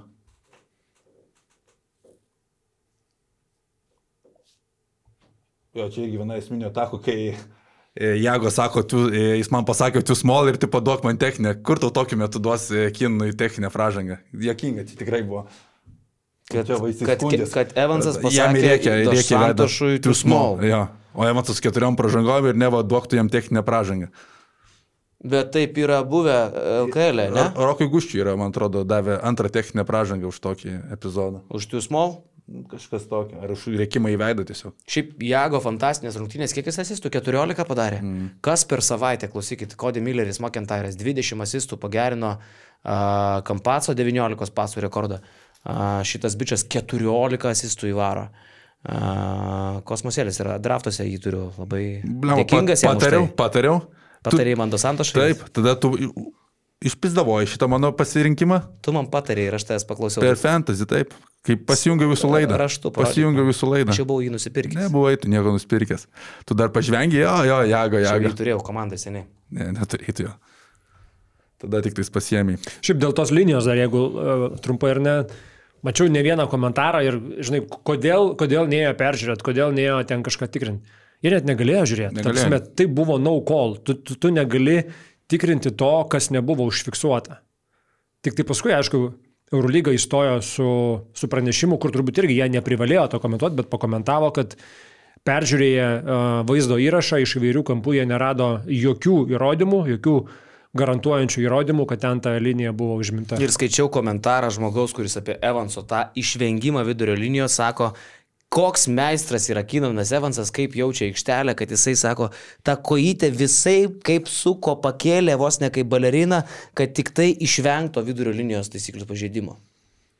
Bet klausyk, tos nesportinės, nu, mes jau kalbėjom. Čia irgi, okei, okay, per veidą trenkia, bet, nu, Lemo, to, tokių rungtynių metu tu bandai prasižengti. Kiek nu, kartų mums prieš mus yra atsisukusios šitos taisyklės, Taip. tai dabar pasimkim tada irgi naudos. Ja, bet aš iš esmės sakyčiau, kad nu, neturėtų būti tokių nesportinių Tai pražangų. absurdas ir man, aš jau sakiau vienam podcast'e, su, esu įsitikinęs, kad tai bus pakeista. O čia va tas epizodas, kai galėjo gintis tiesiog 7 sekundės žalgirių buvo likusios, bet jie specialiai prasižengė tiesiog. O čia va tas meistriškas, žie. Žie. Kai balet mei... A, tikrai, nu, ant, ant pirštų galiukų, nu. Taip, taip. Balet meistris. Maks jautė. Ir Čia kam jiems prasiženginėti realiai? Fantastika, iš tikrųjų tai fantastika. Prisižiūrėjom čia visko. Nu ką, dabar palisėsim nuo Eurolygos, net nežinau, ką mes čia šnekėsim. Artimiausias savaitės. Krimtai? Savaitgalį. Nu tai savaitgalį, kaip tik dar penktadienį turėsim savo podcastą. Paskui rinktinė ir po rinktinės atvažiuoja vėl Eurolyga. Per rinktinę reikės apsimest, kad įdomu. Tu žiūrėk, tu šitą u- užėmę, žinai, a, kad neįdomu. Suvažiuoja rimti vyrai. Nu ir kas? Na ir viskas įdomu. Ką ten viskas daro? gerai. Vėl kazį pamatysim. Taip, taip. Tai va. Aš šiaip apie tą trigubą dublį jau kažką užsiminiai. Jo. A, Ketvirtas istorijoje Eurolygoje trigubas dublis. Ir, ir ne bet koks pagerinus asistų rekordą, 20 asistų, atrodė, kad ten sunkiausia jam bus surinkti taškus, bet a, pajutęs, kad iš esmės tik to ar te trūksta, akivaizdu, kad tada jau ėmėsi ant savęs ir ten lindo po krepšiu ir tas baudas provokavo ir baudeliam susimetė. Šiaip tai žiauriai smagu. Man toks, žinai, kur vat, lygioj vietoje, lygiose kažkokiose niekam neįdomiose rungtynėse įvyksta kažkoks istorinis epizodas ir vat, bičias įsirašo Eurolygoje į istoriją savo pavardę visiems. Kas šlikščiausia, tai aš tas rungtynės žiūrėjau. E, šiaip tai jisai dėkingas turi būti savo komandos draugams. Niek, Ką jisai ir sakė? kaip Kampaco, pavyzdžiui, daro pasus, tai tu žiūri ir tu tiesiog kartais net negali patikėti. Kaip Teodosičius daro, tu žiūri ir tu nori verkti iš laimės, kaip tai atrodo, kaip tai spūdinga. Kaip Sergio Rodrygėsas tai daro, tu nori tiesiog bėgti laukais ir rėkti. Kaip Šaras tai darydavo, tu tiesiog dainuodavai dainas, supranti, namuose prie televizoriaus ekranų. Cody Milleris McIntyre'as nedaro nieko įspūdingo. 20 pasų yra neįtikėtinas skaičius, bet jeigu jūs pažiūrėsite kiekvieną tą pasą iš esmės, tai yra didžioji dalis arba nemaža dalis antrą Jakų komandos draugam, kurie nemažai metė ir sunkių metimų. E, tai Tarkim, ten Vandė Marinkovičius per ranką šerė. Daug trajekų, už 20 asistų sugeneravo kem 9 taškus, tai reiškia beveik pusė tai buvo antrajekų iš Tai jo, ir komandos draugai, pirmas dalykas, velniškai gerai pataiko, čia Baskonijos tai jau sena, senas geras reikalas. O pats McIntyre'as, nu ką, jisai nebuvo ten kažkokie įspūdingi tie pasai, jis, jis tikrai pajutė malonumą dalintos perdavimus. Bet komandos draugai jam tos skaičius labai pagražino. Nu, man atrodo, jis tiesiog yra toks užduočių vykdytojas, kuris nuveda kamuolį teisingai, reikiamą vietą, primena kažkiek Tomą Savoką, panėra ten kažkas labai ypatinga, bet jis viską, viską daro teisingai ir realiai nuvertas jis to trigubo dublio buvo, nes e, buvo rungtynės šį sezoną dar su Nadol FS. 14 e, taškų, 10 asistų, 9 atkovoti kamuoliai, ten jau atrodė per kamuolį. O čia dabar nu rungtynių pabaigoje pajutė, kad komanda laimės bet kokiu atveju, Duško irgi kažkiek uh, man atrodo, žinojo tos visus skaičius, leido, žinojo, leido žinojo. žaisti ir grinai darė jau tą trigubą dublį paskutinę minutę realiai ir padarė. Ten kai pradėjo rinkti ant taškų žaisti, pradėjo pats savo, tai, tai kažkiek jau ir jisai buvo medžiojamas tas trigubas dublis, bet nu, reikia pasakyti, kad jis tikrai vertas to. Ne, Sakyt... kažkiek, visų šimtų procentų buvo medžiojamas. Aš sakau, čia Tik nepagalvokit, kad aš menkinu jo pasirodymais, įspūdingas pasirodymas. Tik kad, kaip sakė Dainių Šalinga, kiekvienas žaidėjas aikštelėje žino savo statistiką plus minus tuo metu. O dar kai renki tokius skaičius, tai tu esi dar ir informuotas apie savo skaičius. Ne, tai ten visi, nu, žinai, šiais laikais yra tiesiog švieslentės ir visi. Ten jis turi bankų. rašo. Jeigu tai yra kubas, kubė rašo, ir pas mus šitas būna. Ne, pas mus gal ir nebūna. Nebūna Kubė. pas mus. Okay, tai pas mus darbiškai atsiliekam šitoje vietoje. Uh, bet šiaip Du dalykai buvo, kur, žinai, irgi, vat, bandantis prisigabinti kažko tai ieško. Vienas sako, nu dabar tie asistai įrašinėjami labai lengvai ir ten užtenka dabar uh, numesti kamolį, kad ir sumuša, ar ten padaro, net du kartus sumuša ir kartais tą asistą vis tiek rašo. Tais senais laikais, kai dar žolė buvo žalesnė, taip, taip, taip nebūdavo. Iš esmės iš tų 20 asistų, net senais laikais kokie 14 būtų ramiai įrašytų. Peržiūrėjus visus asistus, gal net daugiau. Tai buvo tiesiog tie įprasti, tikri senoviniai asistai, kai numetamas kamuolys į rankas ir be jokio driblingo yra įmetama arba iš pagrepšio, arba trajekas. Tai didžioji dalis, labai labai didžioji dalis tų asistų tiesiog buvo tikri asistai. Kitas dalykas yra priekaištauti ar kažkaip irgi bandyti kažkiek sumenkinti tai, kad žaidėjai prieš asvelį. Ir asvelis yra tas, kuris, vat, supranti, tau leido tai padaryti.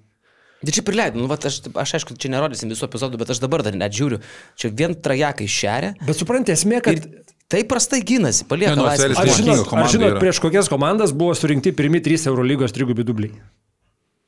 Prieš uh, Sopoto Prokom Trefl. Uh mhm. -huh. Legendinė. Dar tuo metu, kai jinai nebuvo legendinė. Legendinė padarė pačiasas atvedęs į playoffus, tai čia buvo vėliau. Čia dar buvo tie laikai, kai jie būdavo taršomi, daužomi visų, ko, ko tik tai netingi. Ar pačiasas negdinės Aseko Prokom atvedė? Čia ta pati. Ta pati. Tengi Sopotas, Gdinė, tengi yra trys miestai viename. Tai tuo metu... Bičias kažkada man į Žalgirio radiją skambino, sakė, eilė, aš tik Gdinė mums netevinė. Tuo metu tai buvo Sopoto Prokom Trefl, jo, jie tai vadinasi. Uh, Tomas Pačiasas ir Tomas Masiulis beje buvo toje komandoje, kuri praleido pirmą trigubą dublį, kai Nikola Vučičius surinko Pačiasas. Nors tik... pats Tomas Pačiasas turi trigubą dublį LKL surinkę savo istoriją. Jis yra, man atrodo, net, gal, gal net pirmo trigubo dublio, dabar jau bijau maišytis, bet tikrai vienas iš dešimties bero žmonių, kuris padaręs trigubą dublį LKL. Okay. Tai va, tai tik Pačiasas tos rungtynėse nežaidė, vienintelės tais metais Eurolygui, kuriuose jisai nežaidė visose kitose 13 žaidė, o Masiulis žaidė, bet iš esmės tai buvo triuškinamos rungtynės 9-5 šiam 8, Makabį į vienus vartus suvalgė, nepaisant to, kad į vienus vartus suvalgė Nikola ten žaidė daug minučių, tam, kad irgi vat, nu, 11 taškų, 12 reboundų, 11 asistų. Kitais metais vėl tas pas Nikola Vaičičius įsirašo trigubą dublį, antrą pailiui, žaisdamas su ne bet kuo, o su Liublianos Union Olimpija. Lemba šitą aš net prisimenu, man atrodo, žinok. Ir toj, ir toj Liublianoj, žinai, mes dabar galim dėktis čia iš, iš, iš to asvelio. Štai uh, susirandu. Kurie metai? Šešti kokie? Penkti šešti. Penkti šešti. Ja. Šeštų, ne, šeštų septintų, sorry, šeš, šeštų metų. Lapis. Nu tai kas, spėjau, Urošas Lokaras turėjo būti? Uh, gal sudėti ir buvo, bet rungtynėse nežaidė. Ne. Žinai, kas, Micha Zupanas buvo. Ne, nebuvo Supanas vėliau, čia dar Liublianos Unijos Olimpija. Nelabai panašus laikas, kokie 8-9 sezonai jau Micha Zupanas tikrai turėjo būti. Tai čia matai, 6-7. Kas ja. nežino, Micha Zupanas buvo Slovenijos rinktinės, Slovenijos krepšininkas, kuris buvo... Uh, kurčias. Kurčias visiškai ar, ar dalinai. Man atrodo, kad visiškai jisai... Gal ir jo, visiškai. Nieko negirdėjo. Bet iš esmės ta komanda, jinai neturėjo nei vieno amerikiečio. Šita Liublianos Union Olimpija neturėjo nei vieno amerikiečio. Jūs bandykite įsivaizduoti šiais laikais Eurolygos komandą be amerikiečio. Ten žaidė, okei, okay, slovenų legenda Marko Milič, Goran Jagolį, uh, Manučar Marko Išvili, Timų Raniko, uh, Ender Arslan, nu, tokias pavardės, kur Europos krepšinį, nu, kažką sako, ar ne? Bet iš Saša esmės... Osbaltas. Saša Osbaltas. Saša Osbaltas, legendinis blema buvo. Rungtynėse tose nepasirodė, jo. Bet iš esmės, aš jau sakau, ant, antras trigubas dublis prieš sakykime, ne pačią pajėgiausią komandą. Mhm. Trečias trigubas dublis yra pasiektas Niko Kelačio prieš uh, šešerius metus, ar ne, 18 metai, prieš nebetkavo Podgoriusas Budušnas, kuri žaidė paskutinėsias sezono rungtynes ir pabaigė sezoną 6-24. Tai irgi mes kalbam apie komandą, kuri, kuri nu, sakykime, nieko verta buvo. Taip kad Tai ir tavo mintis, kad prieš gaidynus dar. Žinai, žinai, istorija. rezultatus. Kad turi Istorija- būti Eurolygai lochas, kad tu padarytum trigubą dublį. Ja, istorija, istorija prisimena faktus, bet ne aplinkybės. Mes turim faktus, kad vat, yra trigubi dubliai. Kaip ten jie buvo pasiekti? Velnes ten, žinai, gilinsis. Šiaip istorija šlikštus mokslas tam tikrų klausimų, nes kad ir tarkim Gintaro Einikio tas rekordas. Tai vat irgi, Juk, jo, juk jo. tu parodai pliką skaičių ir viskas aišku. Gintaras Einikis, kiek jis ten surinko? 60 Šešdešim taškų. taškų, jo. jo. E, bet e, visi žino, kad ten buvo tikslas tai padaryti. Ir jau Žalgris dirbo ant Einikio rekordo. Visas rungtynės e, Einikiui davė, duodamas kamolį ir daryk dalykus, žinai. Kaip e, Dainiaus Novicko 152 taškai mėgėjų lygoje, ne? Ir tą žino. Nu, gi- visi žino. gi Žino, kad ir dirbant, aišku, tą padaryti yra kosmosas, bet, nu, tai buvo tikslas, tai nebuvo, kad tiesiog paėmė ir padarė. Ja, bet sakau, bet aplinkybė, žinau, žinai, tik tai labai siauras burelis žmonių, kurie vat, labai nori į tai gilintis ir priminti, kaip čia kažkokie va tokį. O ką, faktas yra faktas. Jo. Šiaip labai trumpa temelė. Rekordai, kurie Eurolygoje uh, bus gerinami ir kurie stovės į- įkalti į akmenį. Pažiūrėjau rekordus, uh, kurie yra visų laikų Eurolygos, moderniosios Eurolygos istorijai pasiekti. Tai pavyzdžiui, toksai asistų rekordas, aš galvoju, yra tas, kuris bus lengviausiai gerinamas. 20, ne? Tai, kas čia 20 pasiekta, čia iš esmės nėra kažkas labai tokio, kas, kas nesikeistų, nes labai akivaizdžiai skiriasi nuo 2014-2015 metų. Mhm. Prasidėjo visai kitokie skaičiai Eurolygos istorijai, kas būdavo iki tol. Iki 14-15, tai vadinasi per pirmus vat, 15 Eurolygos sezonų, tik vieną kartą žaidėjas pasiekė 15 asistų. Tik vieną kartą. Ir tai padarė niekam negirdėtas John Linehan. Po to, po 14-15 metų buvo 18 atvejų, kai žaidėjas padarė bent 15 asistų. 18 atvejų per paskutinius 8-9 metus, o ne vos vienas atvejis per pirmus 15 metų. Wow, geras kontraktas. Nu tai čia dar kartą pagrindžia tavo tą idėją, kaip pasikeitė asisto traktavimas. Kai pasi, pasikeitė traktavimas vienas Gali ir dalykas. sumuštamolį kelis Jo. kartus ir vos nedarbiškai pasisukioti ir žiūrėk asistas jis. Game changeris yra, kad e, kai po tavo, po pražangos tu meti link krepšio, meti dvi baudas, pataikė vieną baudą, tau užsirašo asistas. To niekada nebuvo irgi pakeitė prieš dešimtmetį čia gal. Jo, tai čia, manau, panašiai, bet, bet, tas, bet tas kaip ir logiška. Nu, žinai, jeigu, pavyzdžiui, Jeigu sukuri gerą progą, bet būna, sukuri- bet būna kartais tu tiesiog nusimeti paskutinį sekundę ant trajako, prieš tave prasižengė, ten be, beprotišką metimą meti, prieš tave prasižengė vieną baudą įmeti tavo asistas. Bet gal čia, žinai, nu, vėlgi, niekas nežiūri į aplinkybės, Taip, yra, taip. kokia yra raidė ir kaip yra rašoma. Man, ma- mane kas nustebino, kad, pavyzdžiui, priešingas dalykas asistams yra atkovoti kamuoliai. Atkovoti kamuoliai kaip tik per pirmus Eurolygos uh, devynerius metus, dešimt metų, iš esmės buvo visi rekordai sumušti. Ir nuo 2009 metų tų rekordų praktiškai nėra. Nuo du- Nuo 2009 metų yra tik tai du atvejai, kurie yra kažkokie išskirtiniai. Tai buvo Dimau 21 kamuolys 2011. E, Po šiai dienai vienas geriausių Euro- Eurolygos ir Milutinovas dabar, kur sausio atsikovojo 20 kamuolių. O, o daugybė, daugybė tų rekordų buvo tiesiog sumušta iki 2009 metų. Žalgirio asistų rekordas priklauso Kevinui Pangosui Eurolygoje 15 15, asistų. jo. Ir žinai, dėl, dėl ko dar Pangosą norėjau paminėti, kada dariau Žalgirio legionierių top a, 11, praeitais metais darėm tokią rubriką. Dabar apie ryto legionierius buvo top 10 padarytas irgi galite pažiūrėti pas mūsų YouTube e, grožinės literatūros e, kanale. Tai Kevinas Pangosas įsiskyrė Eurolygui tuo, kad e, Eurolygos Final Four sezone jisai išmetė 158 tritaškius ir pataikė 75. Tai čia, nei tik čia yra 48 procentų pataikymas metant po 5 tritaškius per rungtynės. Ir aš tame video sakau, kad žmonės, koks kiekis tritaškių, tai yra neįtikėtina, niekas niekada šito žalgrį nebegalės pakartot, nes tai nepakartojama. Hold my beer, pasakė Kinanas Evansas, kuris šiandien dienai yra išmetęs 144 tritaškius, sužaidęs gerokai mažiau rungtynių, dešimčia mažiau rungtynių, tai jis aplenks pagal išmestų tritaškių skaičių ir Keviną, nes meta po 5,5 ir pataiko po daugiau nei 2,5 per rungtynės. 48 procentų pataikymą fiksuoja Kinanas Evansas. Tai yra antras toks sniperis Žalgirio istorijoje. Tai, va, tai šiaip jeigu reiktų statyti, aš galvoju, tritaškių rekordas Eurolygoje irgi bus gerinamas.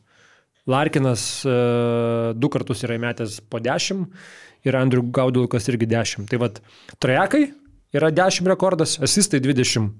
Galvoju, bus mušamas. Galvoju, bus mušamas ir taškų, kem 9. Kažkas irgi kažkuria diena, žinai, rungtinių yra tiek, išsirinkęs tinkamą varžovą, radęs tinkamą dieną. Martas Havardas, man atrodo, nusproks ir mes 12 trajekų ir sumės 50 taškų kažką. Tai, pažiūrėjau, tu paėmė net, aš čia vėl prie trajekų grįžtu, bet paėmiau net Markusą Brauną, galvoju, nu negi Braunas negalėjo kažko panašaus fiksuoti. Ne, broli. Įspūdingas 42 procentų pataikymas. Bet tai įsivaizduoji, kokius skaičius rodė Pangosas ir Evansas. Čia nesuvokiama, čia sveikų protų nesuvokiama. Mes Evansą suvokiam visai, bet ne kaip sniperį. Sme, aš net dabar Arvidą Macijauską įsijungsiu, tai įdomu dėlį. Macijauskas. Buvo sezonas kaip 50 maždaug metė Macas. Bet... Kiek jis dar man įdomu, žinai? Nes kai tu meti po 5,5 trajekų ir tu fiksuoji vos ne pusę pataikymą. Čia yra, nu, čia, nes, čia, čia logikos nėra. Žiūrėk, Maci, Maci, Maci, Eurolygui. Geriausias pasirodymas 127-51, 40 procentų. Tai mes apie elitinių, elitinių, elitinių snaiperius šnekam. Pangosas ir Evansas. Jo, jo, kosmosas, sakau, Evansas kokius metimus jis pataiko, ne šiaip savo tritaškius, ne pastagerio laisvas išbėgęs per rankas po driblingo, tai, nu, čia fenomenalu. Tas iš vis, kur ta bomba ten iš septynių metrų. Per rankas. Kur jau, nu, ką, žinai, keuras. Nu. Nežinau. Smagu buvo, kaip, smagu buvo su jumis groti kinanai, kaip sakė Titanikė, ne?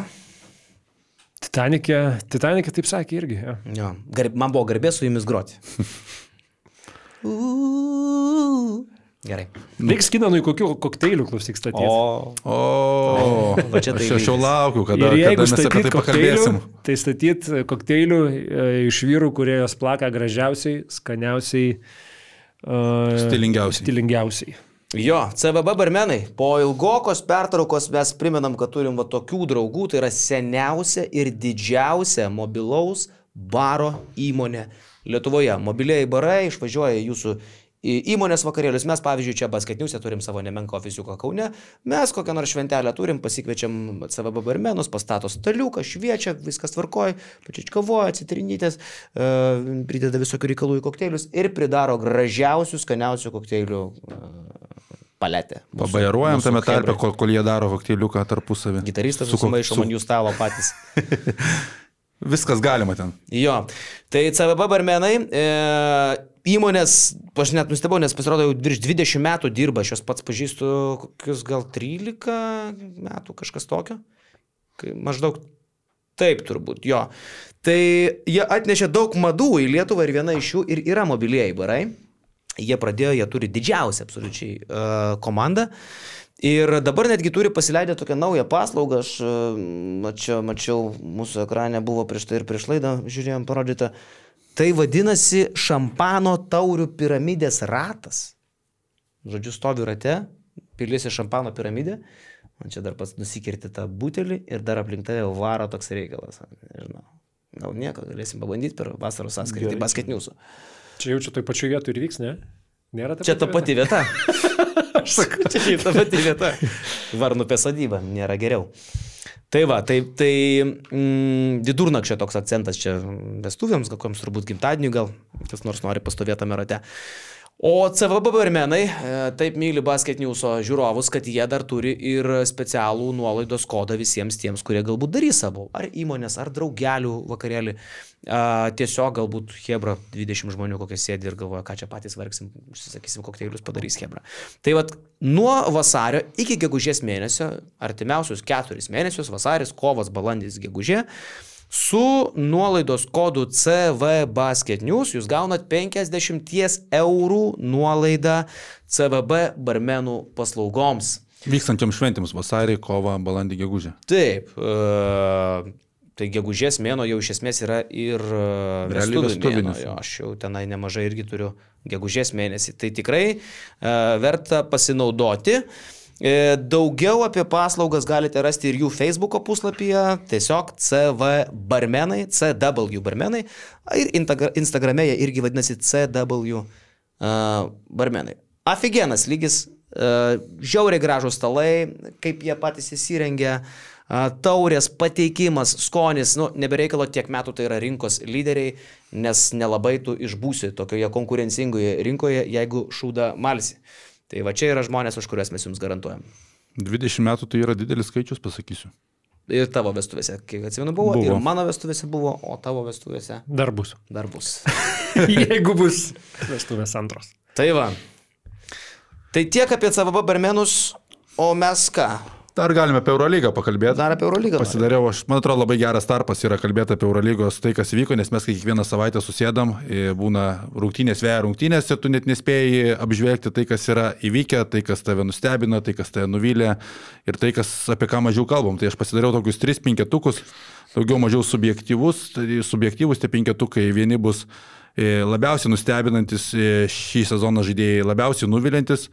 Ir trečias penketukas tie, apie kuriuos nekalbame, arba nu, maždaug underrated žaidėjai, kurie daro didelį įtaką, bet apie juos nelabai kas kalba, kai prie komandų pergalių. Tai čia galėsite įsiterpti savo, savo pastebėjimus pasakyti, bet aš čia subjektyviai sudariau penketą ir galbūt pradedu nuo labiausiai nuvilinčių. Irgi čia pagal poziciją išdėliau, žaidėjas. Čia gali dėti labai akivaizdų Keviną Pangosą, bet čia ant tiek akivaizdus, kad net neįdomus, tai aš pasirinkau ne Keviną Pangosą, Kevinas Pangosas tiesiog sulūdžęs, atrodo žaidėjas šiemet jau. Lorenzo Braunas man šiemet krenta labai akis, kažkiek nugaras problemos jam kenkia ir lyginant su praėjusiu sezonu 3.4 naudingumo balų mažesni skaičiai, 3 taškų pataikymas vos 32, 2.43 ir labai akivaizdžiai matosi ant Makabio. Pernai tai buvo komanda, apie kurią mes kalbėjome kaip labai reali pretendentė į finalo ketvirtą per pergalę nuo, nuo finalo ketvirto su Veidu Bodvinu geriausias gynėjų tandemas. Šiemet Veidas geras, bet Lorenzo Braunas labai stipriai buksuojantis. Taip ir eisi dabar nuvilintis pagal pozicijas, ne? Jo. Dėl Pangoso, aš jau kartoju, nieko jis manęs nenuvylė, nieko aš iš jo nesitikėjau. E, nei prieš sezoną, dar su Kleis atsimenu, irgi ten diskutavom ne vieną kartą apie tai, kad, jau, taigi čia Pangosas, čia geras žaidėjas. Ne, negeras, jis buvo geras.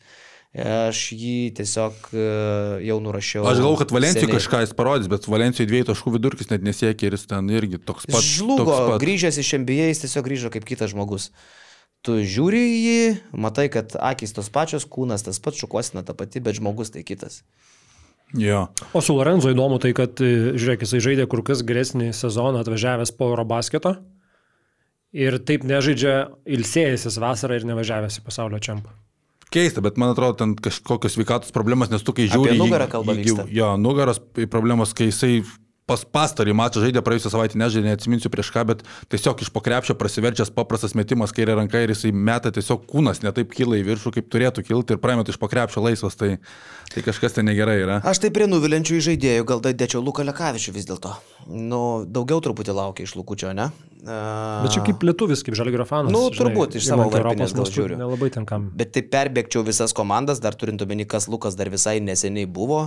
Tugi prisimeni, kaip jis ten, pavyzdžiui, nuvažiuoja į Bambergą ir daužo Bambergą su 27 taškais, ne? Prisimeni jo eilę rungtynių, kur sakydavo, o čia role playeris, prieš Šaro ypatingai, kur išbėgo 15-16 produktyvių minučių ir tu lemba, kokį gerą turim vyjurką. Dabar jau Lukas net taip seniai tą darė, kad mes net, net, net pamiršom, koks jis geras buvo. Ir aš kažkaip tikėjausi, kad galbūt prie Kaziuko antrą sezoną jisai vat, blikstels duos ir pavarys, bet panašu, kad net ir prie trinkierio jis jau traukėsi į antrą planą. Bet matai, Lukučiu, kas sudėtinga, jisai realiai niekada nebuvo žalgerėje prie tokio, tokio superinio žaidėjo kaip Kinas Evansas. Tuo anksčiau jisai net nebuvo per tą atkarpą, kai Žalgiris į Final Four pateko prie Pangoso. Lekavičius buvo prie Kalatėso ir irgi tos atkarpos jo buvo silpnos, kadangi tas pirmas žaidėjas toks dominuojantis, kad tu net nebegali žaisti tiek daug trumpų atkarpų su Lekavičiumi, nes pagrindinis žaidėjas nu yra mega. Kampas geras, nu. E, Atakuojantis gynėjas realiai žaidžia tik po 12 minučių, bet tu kai paėmė visą investiciją, kiek tai komandai tai kainavo, tai nu, tikrai neto tikėjai iš Igno Brasdeika. Pusantro milijono šį sezoną realiai, jeigu tu pridedi išpirką ir atlyginimą ir keturių taškų e, vidurkis, dvi taškus metant 40 procentų, tri taškius 20 procentų. Nu tai aš nežinau, vis tiek tu jeigu tokius pinigus investuoji vos ne kaip į nu, elitinių elitinį gynėją ir tu gauni tokius vidurkius, nu, tai čia yra didžiulis nusivylimas. Mhm. Dar prie įžaidėjų grįžtant, nu, kadangi prie gynėjų sėdim Šabazas, dar man čia būtų irgi arti. Vis tik tai Zviesdo jisai pradėjo kaip mesijas, turėjo, atėjo į Zviesdą kaip mesijas, gynėjų grandysis, ten lyderis joje, Zviesdo jisai nieko nenuveikė, Milanė jis irgi jau paskendęs. Jo, Šabazas irgi prie tokių buvau pasižymėjęs, kaip galėtų būti. Mm. Perinant toliau prie, prie lengvųjų kraštų, tai pas mane Vilas Klaibarnas irgi Nadol FS yra dugne ir viena tų priežasčių Larkinas žaidžia nu, elitinį sezoną ir galima keiti, sakyti, kad Klaibarnui sutrukdė sveikatos problemos, bet reikia atsiminti, koks jis buvo ir kitų sveikatos problemų, kai jau diskutuojam čia, ar čia Klaibarnas jau paseno, ar kas čia jam trukdo, bet nu, Klaibarno skaičiai Jis žaidžia patį nerezultatyviausią sezoną per savo visus aštuonis sezonus Eurolygoje, net ir dar už Šafakoje debitiniam sezonė buvo rezultatyvesnis. Skaičiai nukritę drastiškai, 5,5 taško mažiau, 6 naudingumo balai mažiau, 3 taškus metą žemiau 25 procentais ir sakau, jeigu Klaibarnas būtų bent pusė tiek, kiek jisai buvo pernai šalia Larkino, tai nu nekalbėtume, kodėl Andol yra 14 ar 15 vietoj. Nu, tada, jeigu jau Klaiburnas, tada aš į ketvirtą numerį dėsiu. Nepaisant to, kad dabar nukalė e, realą, man tai miro su visų traumingumu ir su visų savo eilę prastų rungtinių. Jeigu jau pagal expectationus, viltis, kurias dedi žaidėją, Tai Klaiburnas irgi turėjo neblogų rungtynių, kad ir paskutinės, ne? Miro irgi turėjo neblogų. Bet Miro, kai žaidžia. Koks tai svoris, Man tai Miro atrodo visiškai nei išnaudojamas, nei palošintis. Eilė rungtynių. Bet Miro, kai žaisdavo, tai jis žaisdavo gerai, realiai, o tie vidurkiai tai neblogi, sakau, tas Achilas ir, kas dar jam, ne, jam trukdė. Tai buvo net keletas rungtynių, kur po aštuonis balus rinkdavo fantasy, kalbėjom dar apie tai. I, kai buvo trumpas, kur žalgiu, kai žaidė, pažiūrėk, kokios, kokios ten jo rungtynės buvo. Bet, bet, bet jam trukdė tai, kad jį realiai... Jis Barsui tokių neturėdavo rungtynių. Jį pasirašė ir žaidė trečių numerių Miro. Tai nu, čia, man atrodo, daugiau Mesinos problema buvo, kad tas išnaudojimas dabar vėl grįžo po Hilo, jau normaliai stato ketvirtų numerių, su Mėly kartu žaidžia priekinį liniją. Jo, jo, jo, bet kadangi rubrika vadinasi nusivylimai, tai nuvilti gali daug kas. Nuvilti gali traumos, nuvilti gali kaip žaidėjas išnaudojimas apskritai. Tai pagal svorį, kad tai yra tas, dėl kurio čia visi draskėsi, man tai Miro yra nusivylimas. Man tai kitas ketvirtas numeris, kas yra nusivylimas ir pagal vardo dydį ir pagal mastą, koks jo čia buvo sugrįžimas į Europą, tai man Juančio Hernangomesas yra didžiausias nusivylimas ketvirtoje pozicijoje. Mes kalbėjome, kad Pavo atsinaujina ir Pavo naujas tas veidas turėtų būti vienas iš jų, Hančio ir Nangomesas, keturių taškų vidurkis ir po kiekvienų rungtynių praktiškai Atamano valgymas Hančio tiek rūbinėje, tiek viešai, kad atpirkimo ožiu tiesiog tapęs e, Pavo yra ispanas ir man keista, kad jis žaidžia tik ketvirtų numerių, mes jį iš Ispanijos rinktinės žinom kaip Trečia daugiau trečios pozicijos žaidėja, bet Atamanas sako, Juančio turi pirmiausia išmokti žaisti ketvirtoje pozicijoje, kad leistųsi į apačią, nu tai atrodo sužlugdytas ir gal nu psichologiškai yra dabar ir Nangomėsas ten. O tai ėda ir rūbiniai? Jo, sakė, prieš visus pasiema protokolą, skaičius ir demonstruoja tiesiog. Tai išsirinko duhą, kaip sakant. Nu. Tai to, to, su tokiu atlyginimu, ten 2 milijonai ir kiek per sezoną. O dar premjero grįžtų žiek. Matai, va, dėl šitos atkarpos. 9, 9, 8, 7, 3, čia 5 rungtinių atkarpa. Tai tu žiūri į Miro, nu, myro skaičiai tokie, ne? Tai tik dėl va šito etapo. Aišku, buvo čia šitas etapas, yeah. bet irgi toksai ant klaustukų. Tai dėl traumingumo ir dėl va šito va penkių rungtynių atkarpos, nu kur čia myro? Jo, galima, galima dėti. Nu ir penktas numeris, kas man irgi atrodo nelogiška, žiūrint, kaip jisai startavo Eurolygo ir kaip jisai šiemet atrodo, tai Jonathanas Motley, man atrodo, centras, kuris galėtų būti labiausiai dominuojantis centras puolime pagal taškus. Ir jisai pernai rinko 16 naudingumo balų vidurkį, šiemet antrą sezoną Eurolygoje, pradžioj pradėjo pas tą patį trenerį, viskas logika sako, kad turi dominuoti absoliučiai, 12 naudingumo balų ir ką aš dar pasižymėjau, kas prie jo labiausiai krenta, jis žaidžia po mažiau nei po 20 minučių ir vidurkis gaunamų pražangų yra 3,6 ir keturi mačai buvo tik per visą sezoną, kai jis negavo bent trijų baudų ir penkis kartus išsibaudavo tiesiog, tai, tai Motley man yra didelis nusivylimas. O man tai Milutinovas. Vis tik tai aš galvojau, kad čia grįžta tas pats žvėris. Bet mes vėl nusivylimas, kaip mes suvokiam. Dėl traumų. Ja, tai aš stengiausi tokių nedėti. Lūštantis, lūštanti banga, kaip tas baras yra, kur mes sugėjome vėliavą kažkada jam kaune. Ir dėl, to, dėl nepastovumo, net kai netraumuotas. Jisai yra Nu, fantasy žaidėjai supras. Ir tai erzina iki negalėjimo. Žiūrėkit, paklausykit. Naudingumai pailiui, imuno 7 turą. Minus 4, 9, 11, 4, 18, 9, 19, minus 2, 13, 6, 14. Va tokie. Va. Ne, ja, tai kad užkniso tai čia yra draftė, tai čia, čia faktas. Nafik, kaip sutina. Taip, taip. Nors pas mus lygoje buvo kelintas pikas. Tavo buvo pirmas pikas, mėlynas. Savo, savo pirmu, tai jis ten gavosi šeštas pikas. Nu, labai aukštai draftintas. Motlė atveju įdomu, uh, Jisai, jo kontraktas baigėsi su Feneriu po šito sezono. Jis dviejų pasirašymų, atrodo, jo.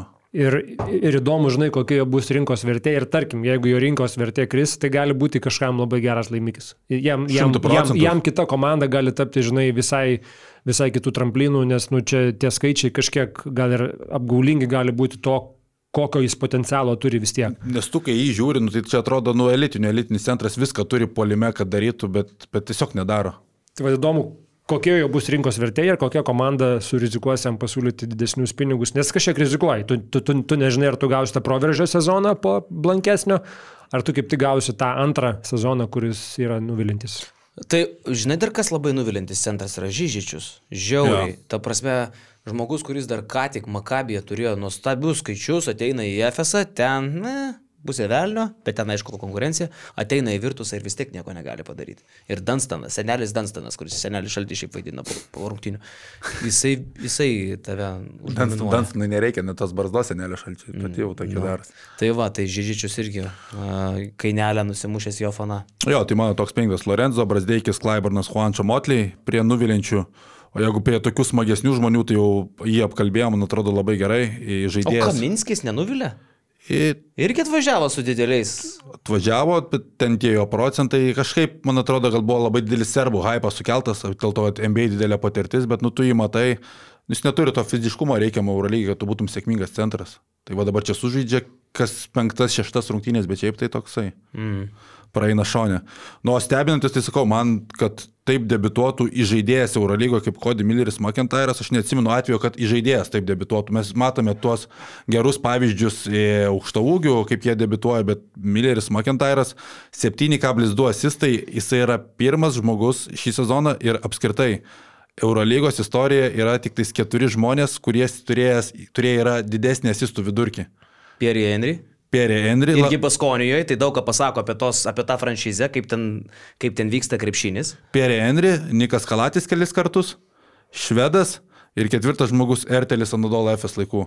Tai keturi žmonės per visą Eurolygos istoriją, kurie už Cody Millerį turi didesnį vidurkį, dar McIntyre'as gali jį net ir pagerinti, ten nuo Pierre Henry labai nedaug atsilieka. Jo, jo, jo. jo. Ir atakuojantis gynėjas, ir nespėjo man ištraukti dar skaičių darius. Pierre Henry turėjo Fontekijo, uh, turėjo Polonarą tuo metu žvėrį, kur ten laidydavo trajeką po trajeko, šitas turi uh, Ma Markusą Howardą ir turi Jo. Vanją Marinkovičių ir, Turi monekį. ir Kostelo. Ir švaisto ten tie trajekėlius neužsikirzdami. Ir Atakuojantis gynėjas, senukas su Marko Belinėlį, nu, niekas nebūtų pagalvojęs, kad prieš sezoną jisai žais ketvirtoji komandai Eurolygoje, ketvirtą, penktą vietą dalinasi Virtus ir jis bus rezultatyviausias tos komandos žaidėjas. Nei, nei O jis viena. toks yra? Taip, 14,8 taško, daug lakstymo be kamulio ir čia geriausias pavyzdys yra, kaip Skariolo jau buvo visiškai uždaręs Belinėlio klausimą. namuose Belinėlį jau sėdėjo. Viskas jau buvo. Šalka buvo pajungta. Nekildavo nuo suolo, jeigu tėvo dar šalia lakstydavo, tai Belinėlis buvo nustumtas į galą. Dabar atėjo bankį, visi, visas polimas sukasi aplink Belinėlį, jo bėgiojimą be kamolių. Ir Šitam žmogeliui pavasarį bus 38. Seniai prie Skariolo Belinėlį lankymo valandas jau turėjo. Senelių namuose. Tai vad būtent būdavo Taip. užsakyta, ateidavo. Taip. Dabar e, Sen. 15 taškų vidurkis išmeta po beveik 7 trajekus per rungtynės ir pataikymas yra kem 1 procentas.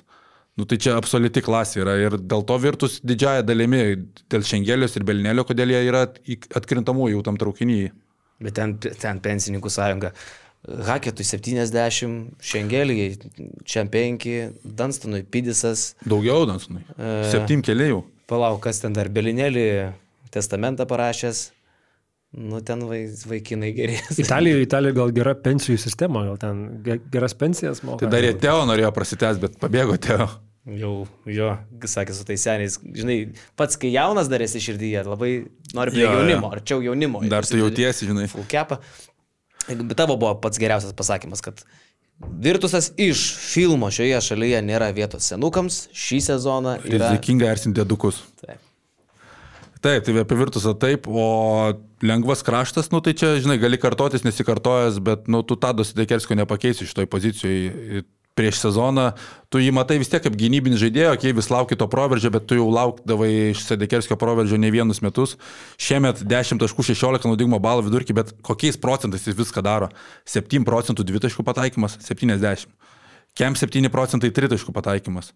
Ir mažai nereikalingų prisilietimų prie kamulio. Kiek jis tų dvitaškių išmeta po du per rungtynės? Ne, tai blemba, jeigu tu 10 taškų surinki, tai tu, tu, tu surinki tų, tų dvi taškių. 2-3 paskui.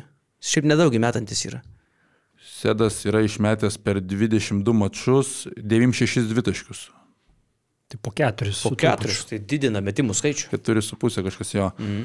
Ir pe, pernai vidurkis nesiekė 6 taškų, šiemet jau beveik 10, naud- naudingumas irgi buvo apie 9, man atrodo, tai realiai vos nedvigubai pakelti skaičiai.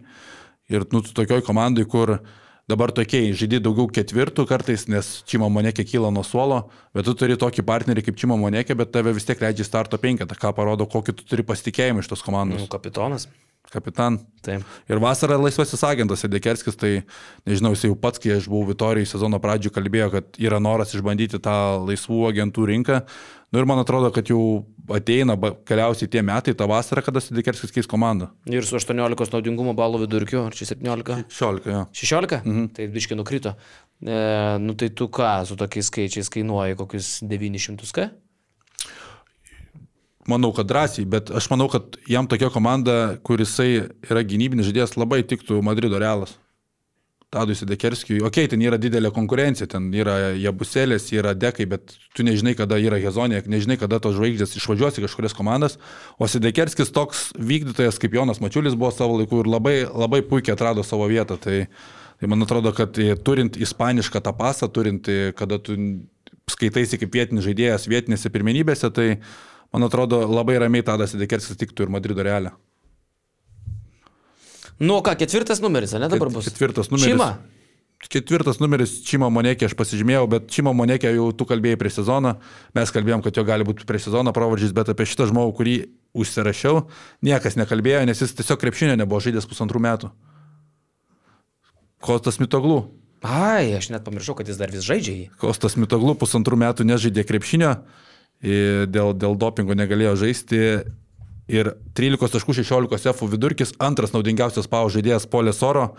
Ir tas vidurkis nusimušė per paskutinius tris mačius, kadangi iki jų per pirmus 20 mačų tik 3 kartus dviženklio naudingumo skaičiaus nerinko mitoglų. Tai, nu, kai tu pusantrų, met, pusantrų metų nežaidži krepšinio ir savo karjeroje tu daugiausiai rinkdavai po ten 11, gal FO silpname outsiderių panatinaikose, nu, tai tu maž, maž, mažiausiai tikės, kad mitoglų taps to pavo veidu, kuris dabar yra antra, trečia komanda Eurolygoje.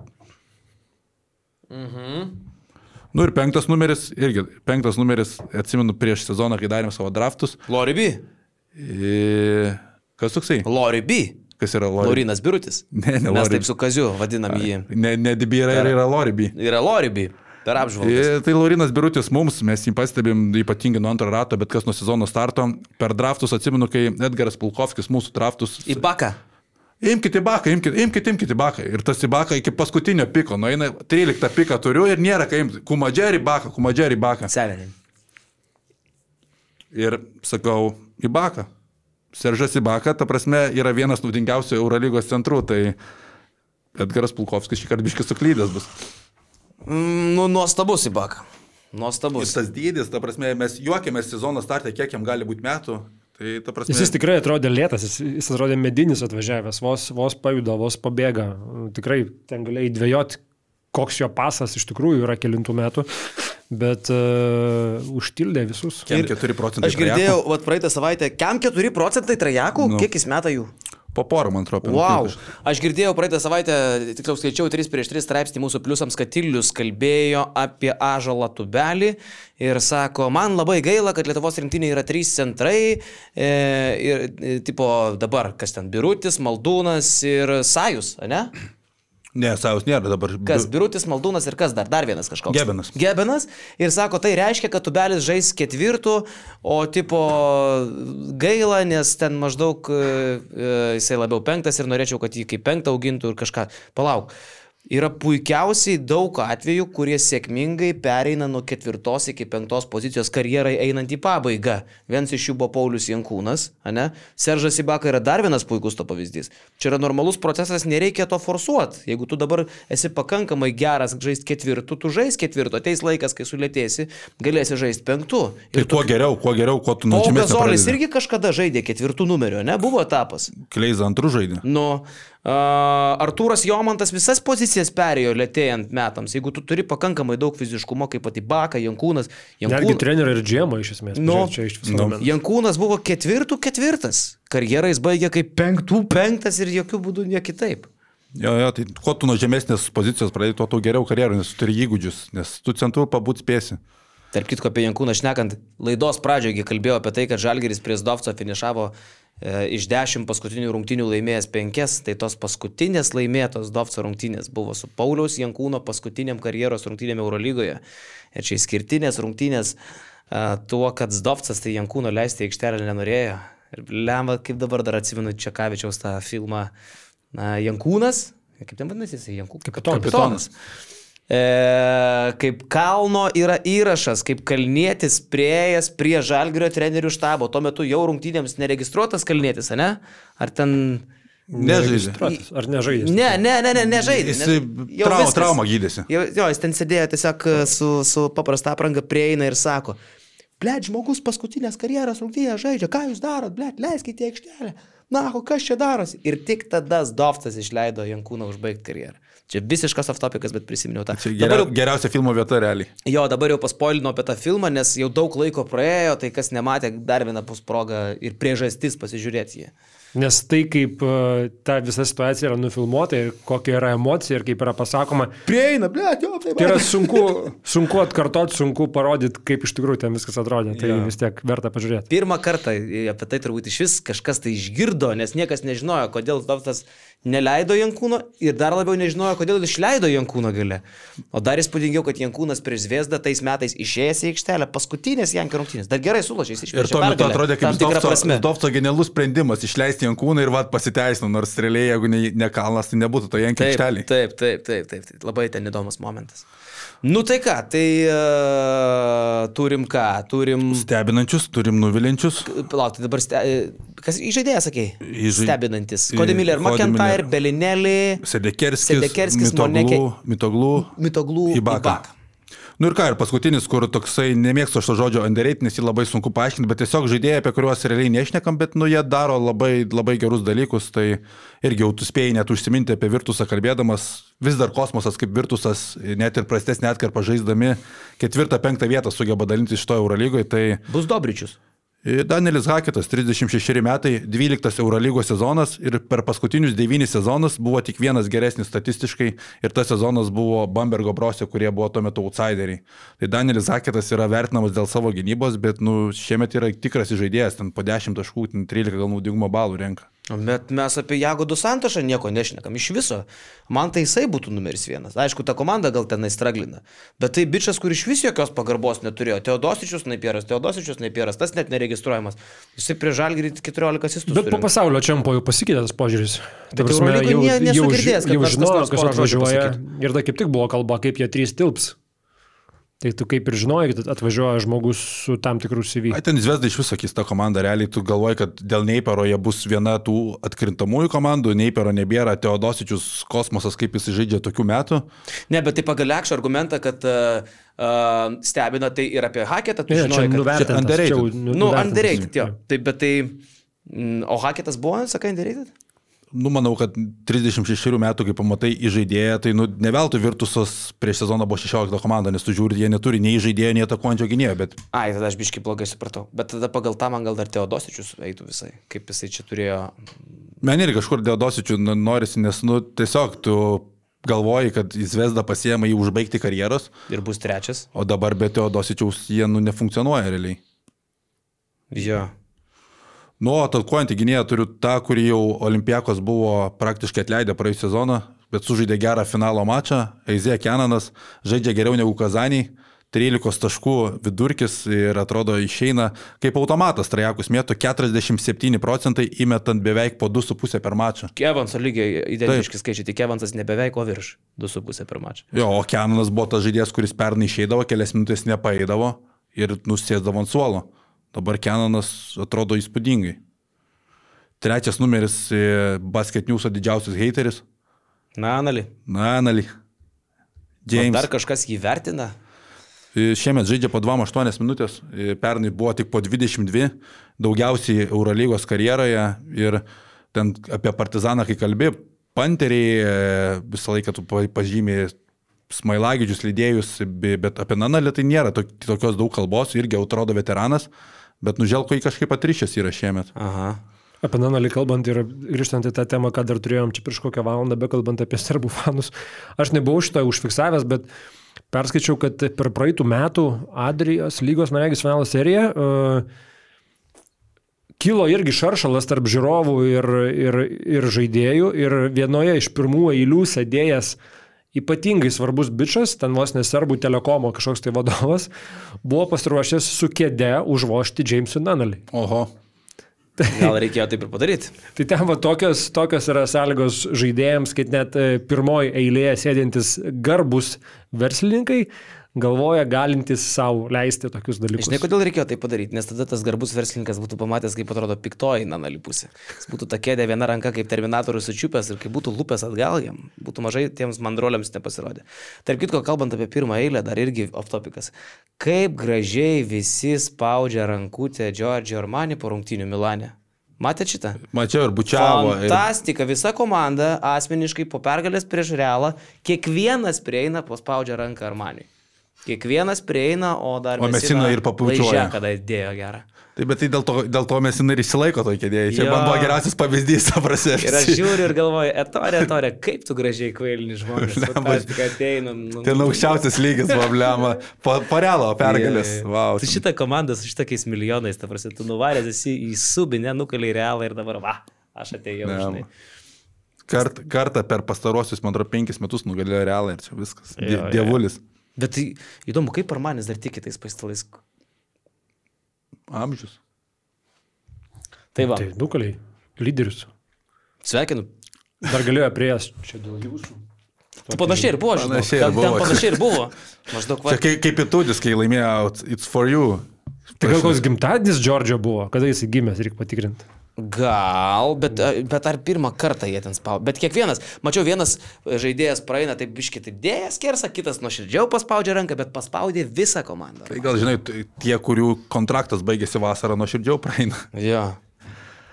Nu, Ne, gerai. Jis Liepa gimęs, ne, negimtadienis. I, Užbaigiam ketvirtas, penktas numeris, tai ketvirtas numeris Semė Uželė. I, Realiai kai kalbė apie Valenciją, visi Krisas Džonsas arba Brendonas Deivisas, bet nieks negisu girdėjęs, kad Uželė sakytų, nors tai yra naudingiausias komandos žaidėjas, trajekus meta 5 procentų tikslumu. Tai kaip automatas per 19 mačų buvo tik vienas kartas, kai nesurinko bent 8 taškų. 50 procentų. Taip, taip, tai yra ketvirtas išreikštas turbūt metikas su Brady Meniku vienoje lyg- lygoje žaidžiantis žaidėjas, nes kaip automatas tiesiog. Kaip suprast ketvirtas išreikštas metikas? Nu, ketvirtas numeris. O, Alek Peters, atsiprašau. Nu jo, okay, tu Petersą gali dėti Meniką ir Audželį irgi, grinai Taip. toj pačioj lentynui drąsiai tu gali įmesti. 50 procentų tu juokauji? 63 trajekai išmesti po daugiau nei 3 per rungtynės. 49 procentai. Wow. Nu jo, tai man atrodo pagarbos reikia duoti Semė. wow. O penktas numeris, e, gali dėti Lauriną Birutį laisvai, jeigu tu žiūri nuo antro rato, e, dedu čia Džiaulį Bolombojų. E, Jam man nustebino faktas, kad jam jau 32 metai. Jis prasitėsi čia sutartį su Zvezda, aišku, ta sutartis kažkiek labai didelį įtaką padarė, kad Teodosičius žaidžia tavo komandoje, bet nu tavo skaičiai šiemet e, 10 taškų 14 naudingumo balų, vienas tarp topinių tų vidurio palėjų pagal renkamus naudingumo balus, nors iki tol per karjerą daugiausiai buvo 7,7 naudingumo balo renkamas per vienas rungtynės. Ir dar pridedant jo tą gynybą išsikeitimuose, Balombojus yra turbūt irgi su Kevarisu Heizu vienas geriausiai Svičiolo, Svičiolo žaidžiantis centras, tai, tai Balombojus pas mane penktoj pozicijai. Nu, įspūdinga, įspūdinga. E, pasakai Joel Bolomboy, kažkodėl dainelė skamba galvoje. Kai sakai Joel Bolomboy, tai man skamba Joel Bolomboy, Joel Bolomboy. Tu ją dainuodavai. Girdėsi ir tu. Kai pasakai Audželė, žinai, kas skamba? Audželė, Audželė. Šitą ir man skamba.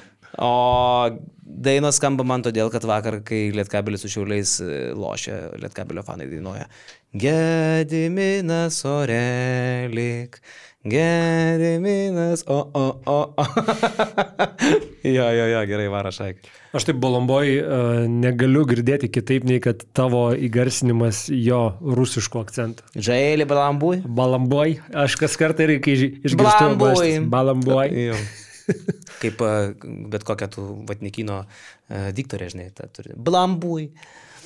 KMT savaitgalį neskirsim jokio dėmesio šitoje laidoje, nes turbūt, kad penktadienį kalbėsim apie KMT, ne? Turėsim penktadienį gyvą podcastą. Bet o mes penktadienį, kai padarysim tą gyvą podcastą, kada mes jį kelsim žmonėms? Šeštadienį ryte? Kiek įmanoma greičiau, taip. Tai va, tai mes penktadienį Kaune teatro klube turim gyvą podcastą, e, gyvai studijoje galės sėdėti tik tai mūsų pliusai, tai jau ten užsiregistravę.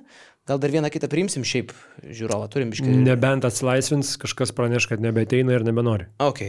Uh, tai va ten bus specialiai ir apie KMT, ir atsakinėsim į žiūrovų klausimus, toks pusiau kaip ir QA, bet galiausiai jis bus viešas, įkelsim viešai, nu toks mūsų tradicinis laivas, bandysim kas porą mėnesių padaryti, ne?